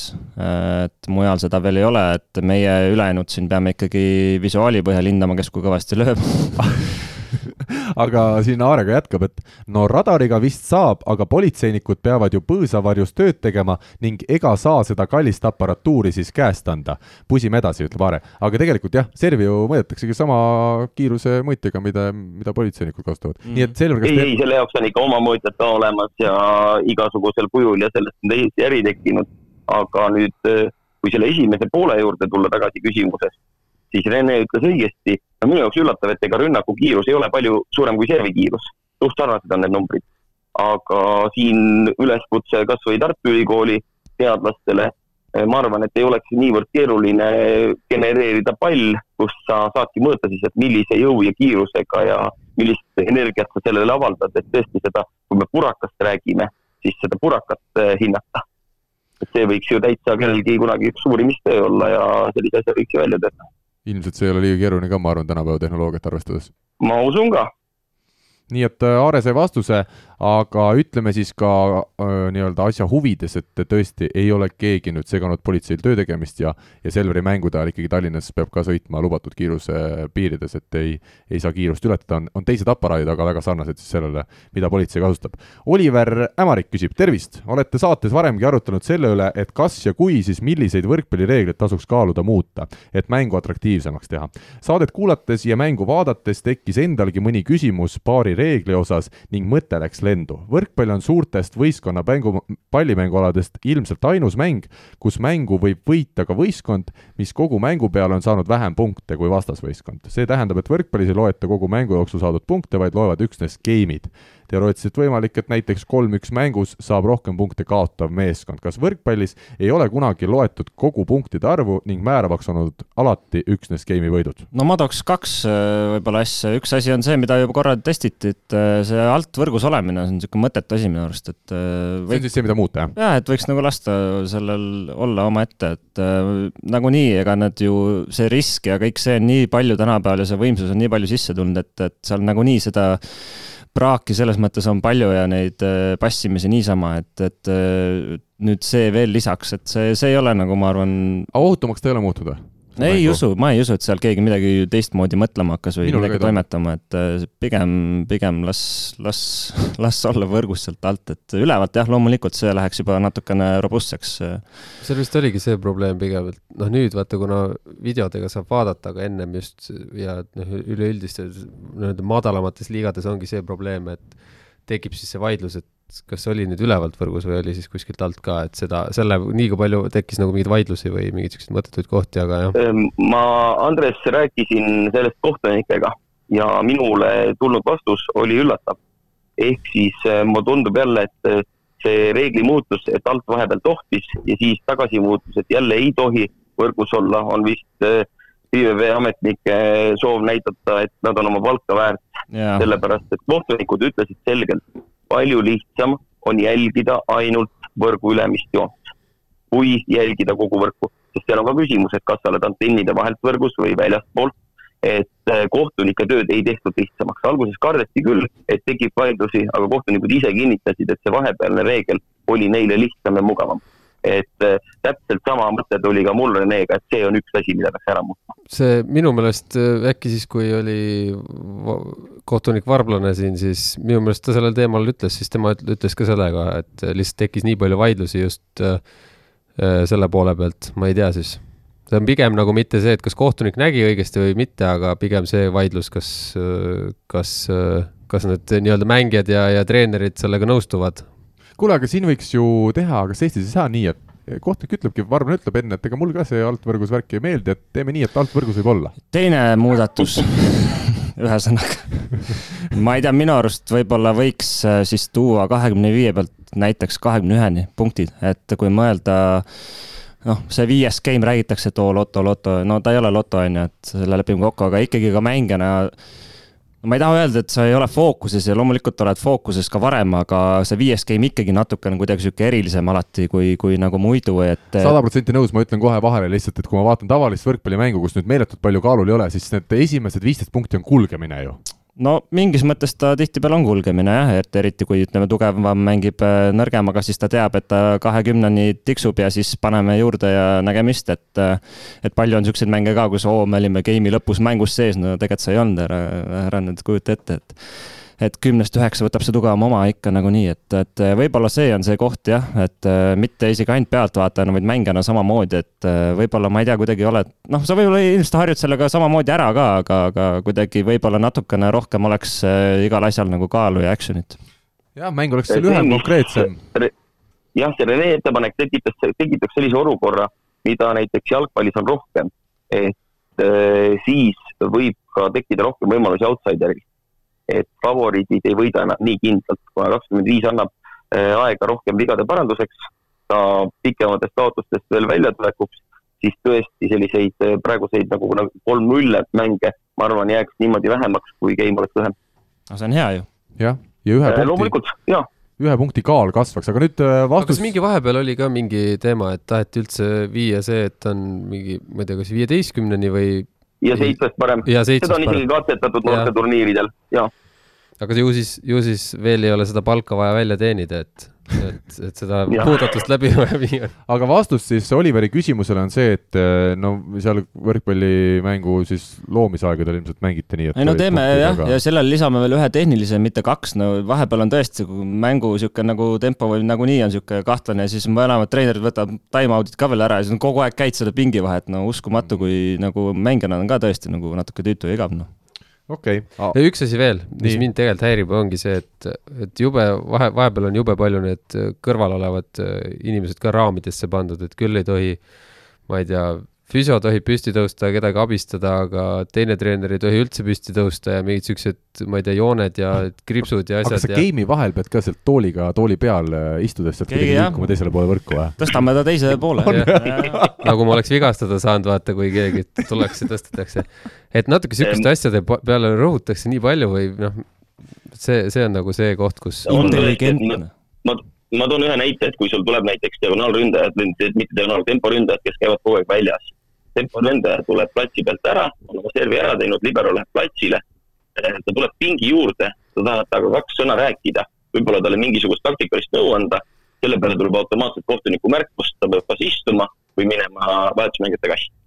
et tõesti, see on natukene liiga range ja noh, siis panebki mõttetult raamidesse, et ta ei sega ju mängu, kui ta on sealsamas pinkide ääres seis no aga seal peab mingi põhjus olema, minu arust korvpallis samamoodi abitreener ei tohi tõusta ju pingilt üles, jalgpallis ma ei tea, no väljaku ääres on selgelt ikkagi ainult peatreener, seal ei ole mingi abipersonal ei käi äh, Jürgen Kloppi silitamas, et äh, see mingi põhjus on, et siis kas siis korrektsus oleks äh, mängus või, või et olekski see üks mees, kes vastutab ja teised peavad rahulikud olema või miks see reegel on tehtud pallimängualades nii? nojah, ühte, ühtepidi võib olla see, et kui sa vaatad neid inimesi, selline layout, et kuidas sul ongi jaotatud, mitu meetrit, kus vaba ala, milliseid inimesi üldse on teleekraanis näha, võib-olla tõesti, kui seal on kaheksa meest korraga püsti, siis ma ei tea, koha peal nii pealtvaatajale kui ka siis televaatajale võib asi segaseks minna, kes need on ja mis nad seal üldse teevad mm. -hmm. jah, et see, kas või see, et kas, kas sa istud üks või kaks pinki kuskil eemal või korraks tuleb, noh, sellinegi vile, ma tean, et mul on olnud, et et ma ei tea, see vist ei olnud Raineriga, aga eelmine aasta, et Biroli tuli, istus valele poole mind korraks maha ja küsis mult midagi ja, ja siis selle peale kohe vile, et ei, et sa pead äh, istuma eespool kui mina või noh, mingi siuksed asjad, et noh, see on tegelikult nagu jabur, et sa pead sellega no,. treeneri pingi peal ei tohi midagi olla ja üldse pinkide peal tohivad olla inimesed, muud ei tohi olla. me oleme oi kui palju Gianniga võidelnud selle nimel, temal oli kombeks, et ta paneb, ta kunagi ei istu mängu ajal, ta paneb enda toolile enda seljakotti. ja väga palju kohtunikke käskisid selle seljakoti sealt ära võtta lõpptulemus oli see, et nad vaidlesid nii kaua, kuni see seljakott võis sinna jääda.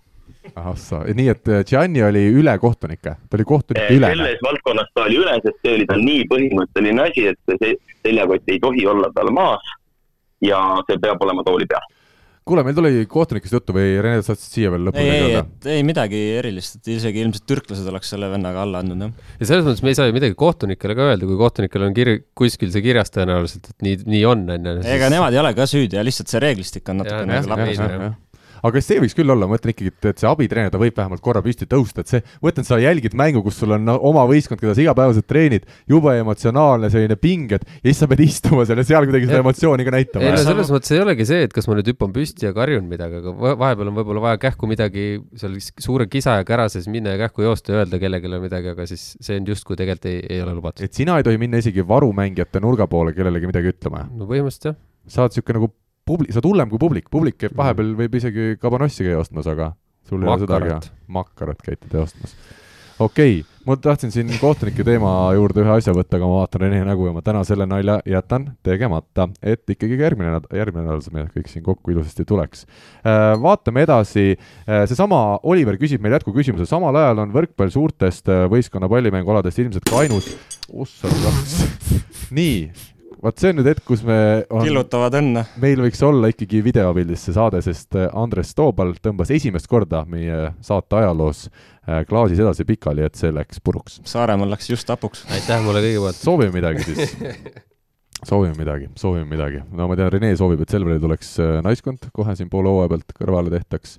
Andres soovib, et põld paraneks ja Alar, mida sina soovid hetkel? mina soovin maailma rahu vot, see on ilus Koro... mis te, ei, aga koroonaga, koroonaga ei saagi mingit sõda ju tulla, sest äh, inimesed ei tohi kokku puutuda ja kaks pluss kaks peab igal pool olema, nii et äh, rahu jätkub. droonidega Dro. Ah, sa, sa oled ka sõjaspetsialist? nagu Kreisi raadio rikkurid, tahaks rahu kusjuures ka alles vaatasin seda klippi, nii et samal ajal kui Andres on asunud koristama, küsime siis ära jah selle, et äh, Oliver rääkis siin sellest, et punktide äh, et mängu saatuse otsustab punktide arv, mitte siis aeg. kuidas on lood selle reegliga, kas võrkpalli on kunagi mängitud ka aja peale, kahtlustan, et ei ole, kuid vaatamata sellele kuulaksin hea meelega teie arutelu, et kuidas selline reeglimuudatus mängu muuta võiks, jõudu-jaksu saate tegemisel. ei, see on lappes, see läheb nagu NBA-s, et vaatad, et esimesel veerandil oled miinus viisteist, ah, kellega homme mängime Eh, mina olen ka nõus, mina olen ükskord elus seda reeglit ära kasutanud, eks rahvaturniiridel ikka kasutatakse kajamängu ja Käärikul toimusid eh, mis iganes Spartakiaat oli, ehk siis eh, erinevatele firmadele mõeldud võrkpallivõistlus. Ja meil oli täpselt ühepunktine edu ja mängu lõpuni oli kümme sekundit. ja mina pidin servima minema. Ja noh, loomulikult ma läksin päris aeglaselt selle pallini ja kümne sekundi jooksul ma ei suutnud oma servi ära teha ja me olime võitnud ma tean, et Paides oli ka seal keskväljakul oli samamoodi mingi turna, mis äh, toimus iga aasta, Paide kevade nime all oli see igatahes, kus oli ka viisteist minutit ja see oli ka täielik kaos, sellepärast et pidevalt teiselt poolt karjutud, no, no servi juba kurat see oli minu arust põhiasi. kuule, aga Alar, kas sellist eeskuju me siis annamegi, et kui on kümme sekundit jäänud lõpuni, siis sa lihtsalt ei jõua seda servi ära lüüa, kas no see... seal on selline eeskuju, et eh, kui seis on kaks-kaks, siis sa ei lollita, aga kui on seis täpselt niimoodi, et üks punkt on ees ja mäng on lõppemas ja ma ei välista, et ma arvan, et see oli umbes finaali pääsejatele ikkagi tähtis mäng. et eh, sellistel olukordadel tuleb eh, spordimehelikult viisakalt reegleid enda pöörata. No vot, ja Oliveri on, äh, meil täname Oliveri heade küsimuste eest ja ma usun, siit päris palju tuli ka välja minu jaokski huvitavat, mida võiks muuta. aga teine Oliver küsib, Oliver Tuus, ma ütlen kohe ära, et tegu on Kossu mehega, nii et äh, ega siit ei saagi midagi tarka tulla äh, ja küsimus on järgmine Karl kuna te liiga tõsist saadet ei tee, no see on juba paar nädalat tagasi esitatud küsimus, siis kui Rivo oli meil saates ja rääkis kümnevõistlusest äh, Pärnumaal, siis kas sa saad ühe saate juhtimise Rivole, Rivole täiesti üle anda? hetkel on nii, et natuke on huumorit ja natuke tõsist asja, aga ühe saate võiks teha sada protsenti huumorit. no meil on praegu tükk tegemist, et Rivo üldse saatesse saada. nojah, sai auhinna kätte ja nüüd ei olegi meest enam. jah, Valge Tähe viies klass. ei ole saatnud selle e seda emaili, et poisid, liitun teiega, kui teil on ka medalid ma arvan, et täpselt kuu aja pärast on see saade esimesel aprillil, kui võiks ilusti Rivole anda selle saate juhtimise. ja ma oleks täiesti nõus sellega ka, nii et me loodame, et Rivo võtab sõnasabast kinni ja, ja teeb asja ära, me igatahes pakume talle välja selle võimaluse aga aitab sellest küsimusest, äh, tuligi ebaprofessionaalne küsimus Oliver Tuusilt, tervitame teda siinkohal ja läheme. aga päris pull oleks küll, panete siia ruumi luku taha, katad laua ja jätad ta jutustama. aa, sa mõtled, ta üksi teeb või? No üksi. üksi teeks ka Rivo ära, muidugi, miks, miks me hakkame segama teda, keegi teine üldse no,? üksi tuleb ja teeb. tõmbame ju seda ju taset maha, maha lihtsalt aga järgmine küsimus siis Tenolt, kuna teie vastused on juba kord nii ägedad, siis ei kao ka minu küsimused kuhugi. oletame, et toimuks show-turniir, kus osaleks neli võistkonda. võistkondade treenerid oleks muidugi Karin Aldo, võistkond koosneb nurgaründajatest, Eesti nurgaründajatest, Rivo. Äh, Rivo me asendame siis hetkel Alariga, kes saab ise valida, kas ta koostab tempodest või liberotest võistkonna. Rene, võistkond koosneb Eesti diagonaal, diagonaalründajatest ja Andres, võistkond koosneb Eesti sidedest. kuna liberot võistkonda ei ole äh, arvet- või liberate võistkonda ei ole, siis iga üks võib võistkonda võtta ka ühe libero. ise võib aga ise võib, aga ei pea mängima, kes selle võidaks, selle turniiri, mina ütlen kohe mul on kellad, ma ütlen ka. ja ei, mina lihtsalt, et mina ennast ei pane sinna võistkonda, sest ma tahan jõuda finaali, poolfinaalpaarid on siis Karl ja Alar meil täna ja Rene ja Andres. no vot, nii äh,, Alar, esiteks ütle ära, kas sa võtad liberotest siis omale võistkonna või tempodest? No ma ütlen ära, et kuna sa mulle selle küsimuse saatsid ka ette, siis sel hetkel, kui ma nägin, milline valik ehk siis tempod mulle langeb, siis ma mõtlesin kohe tänasest saatest loobumise peale. et no hullemat karistust kui kuuest temporündajast koostav võistkond ei ole maailmas olemas. ja ma ei võida ei poolfinaali ega pronksimängu ja tõstan käed ülesse ja servi asemel veeretan lihtsalt vastase poolele kõik pallid. kas te isegi nii kaua, kas te oota, kas te üldse suudate, ma arvan, et need tempod ei suuda veeretadagi seda palli teisele poole, see läheb ka kuskile. see on järgmine häda, võib-olla veeretavad kuhugi saalist välja selle palli. ehk siis minul pole šanssigi, aga kuna sa andsid mulle õlekõrre liberot, siis ma mõtlesin ühe taktika välja. me paneme kerge servi üle, eh, nurkade vastu on meil raske, aga Rene tempode vastu tekib küll selline variant, et olgugi, et nad on suure koormusega harjunud, kõik kuus meest on kaitses ja selleks hetkeks, kui me oleme natuke taha jäänud ja iga mees on löönud juba sada korda, pallid ei jää maha lihtsalt ja väsivad ära, siis hakkab tekkima meil variant, et nad lihtsalt annavad alla, sest nad väsivad. oota, sul olid tempod või? ei, tal nüüd on libero. ma tempo tasemel võtsin liberod endale, ma ikkagi teen kuuest liberot selle võistkonna. aga ühesõnaga see on ainuke võimalus kuue liberoga kaitset mängida. Alar Rikberg ütleb, et Eesti diagonaalid ei saa palli maha enam, kas see on see? no kui mul kuus tippu Eesti liberot on, siis ei saa maha jah ja plokki ei lähegi jah, sest nende, nende liberatega ei, ei ole plokki. ei, mul on pisikesed mehed, ei ole vaja. mul on ainult üks lihtne serv ja kaitsemäng. oota, ja me läksime omavahel kokku või äh,? ei läinud. ei läinud aga paneme. no me ei saagi ju, ei, ei pane no,. pane, okay. küll nad saavad kolmanda, neljanda, kolmanda, side, sided võtavad diagonaalide vastu ikka ära nii, oota, aga oota, arutame selle asja siis, võtame poolfinaalid läbi. minu, mina versus siis Alar, no mul nurgamehed, ma ükskõik keda ma võtan. no võtame Juhkami, Täht, Allik, võtame Eesti liigast, ma ei tea, Tammearu, Hurt ja võtame ka Kevin Saare Küproselt, sest ta, teda me ei ole tänases saates maininud, aga ma tean, et Kevinile väga meeldib, kui me teda ikkagi mainime. võtame sellise kuuiku, see on täiesti suvaline kuuik, me ei ole seda ette valmistanud, aga need on kuus Eesti ründajat. Assaa ja see siis võistleb meil Alari liberatega. Alar, kes sul need ku kuus liberat on, kuus vahvat väikest liberat? Eh, minu enda vend, Silver Maar, eh, vaata Losnikov on ka ju, Losnikov saab rünnata, üks on see, kes saab rünnata ka siis, on vähe pikem ainult talle läheb tõsta? siis on mul Saaremaalt on Vahter ja Saar ja kuuendaks võtan mm, Madis Pärtel teeb comeback'i. Tuleb lihtsalt, ta on hea seltskonnamees ja tuleb punti. ministeeriumist no.? jah, ta tuleb lihtsalt äh, head juttu ajama ja mõnusat intelligentsust sellesse punti tooma juurde hmm.. aga noh, ma ei hakka isegi mängust rääkima, ma saan sinu käest nii, et tolmab ja lihtsalt lustime. see on minu karjääri suurim võit, kuigi ta ei tule küll päris mängus, aga ikkagi võit on. Läheme teise poolfinaali juurde. seal siis äh, Rene ja Andres, diagonaalründajad versus sidemängijad. no nii, Andres, sõna ka sulle, mis sidemängijad äh, oskavad ja, ja kuidas see võistkond toimiks? sidemängijad oskavad kõike natukene nii, Rene nagu Ohtov. kümnevõistlejad või? no kümnevõistlejad jah. me oskame kõike palju, aga Andres, kes su ku- võistkonda võiksid kuuluda? no ma võtan ka siis äh, vend ja, ja, ja siis äh, Renet äh,, Eerma kolm.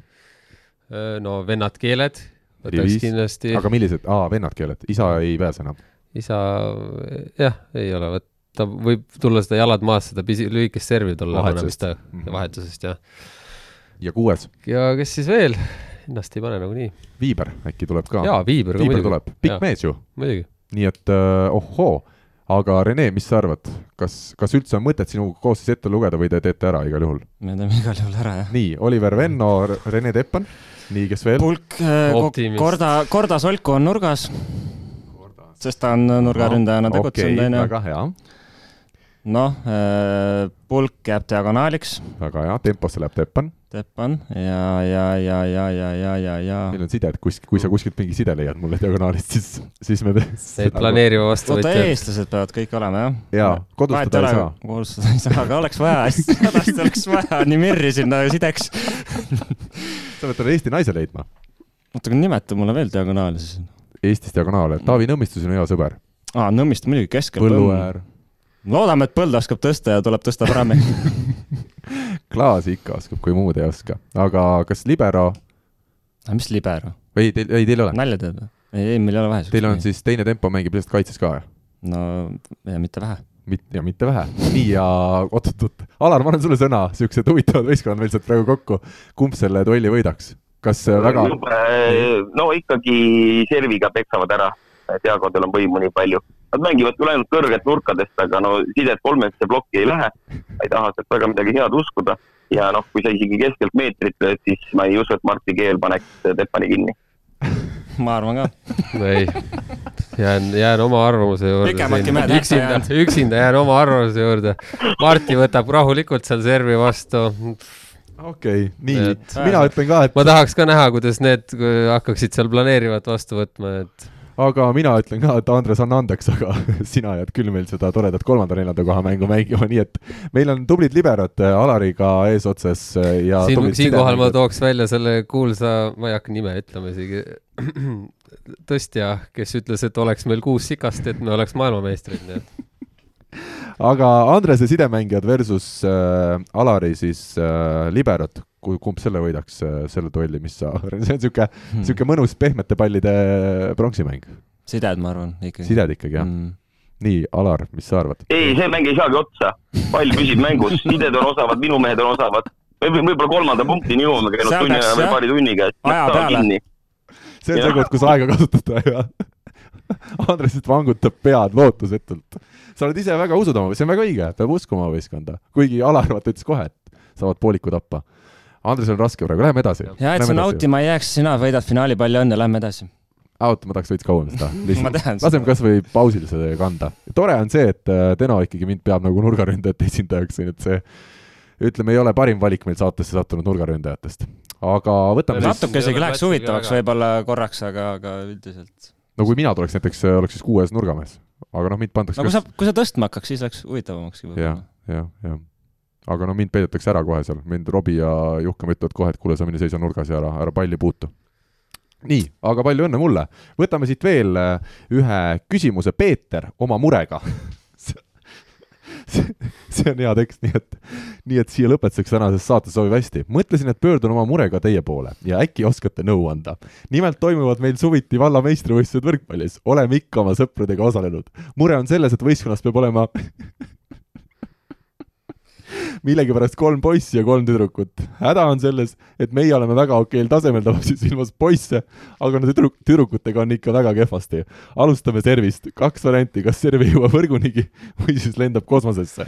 kas seal on nende naiste nimed ka pandud või? õnneks, õnneks ei ole. olen üritanud ju neid õpetada, aga no pange lihtsalt altkäe servi, aga no neil on raskusi pallile pihta saamisega isegi.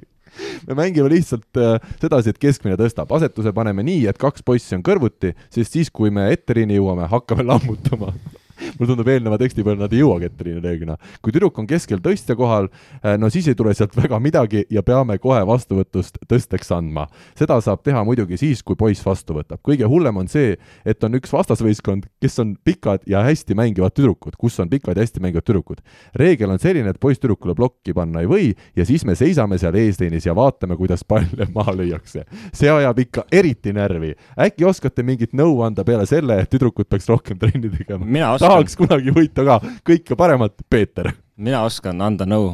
Peeter peaks võib-olla siis ikkagi naisi valima mitte õhtuse banketi ideega, vaid vaid sportliku printsiibi järgi. ma vaatan, kuidas Peeter kirjeldab neid naisi, ma arvan, et ta sinna banketile ei lähegi isegi Alar, kuidas sina treenerina aitaksid?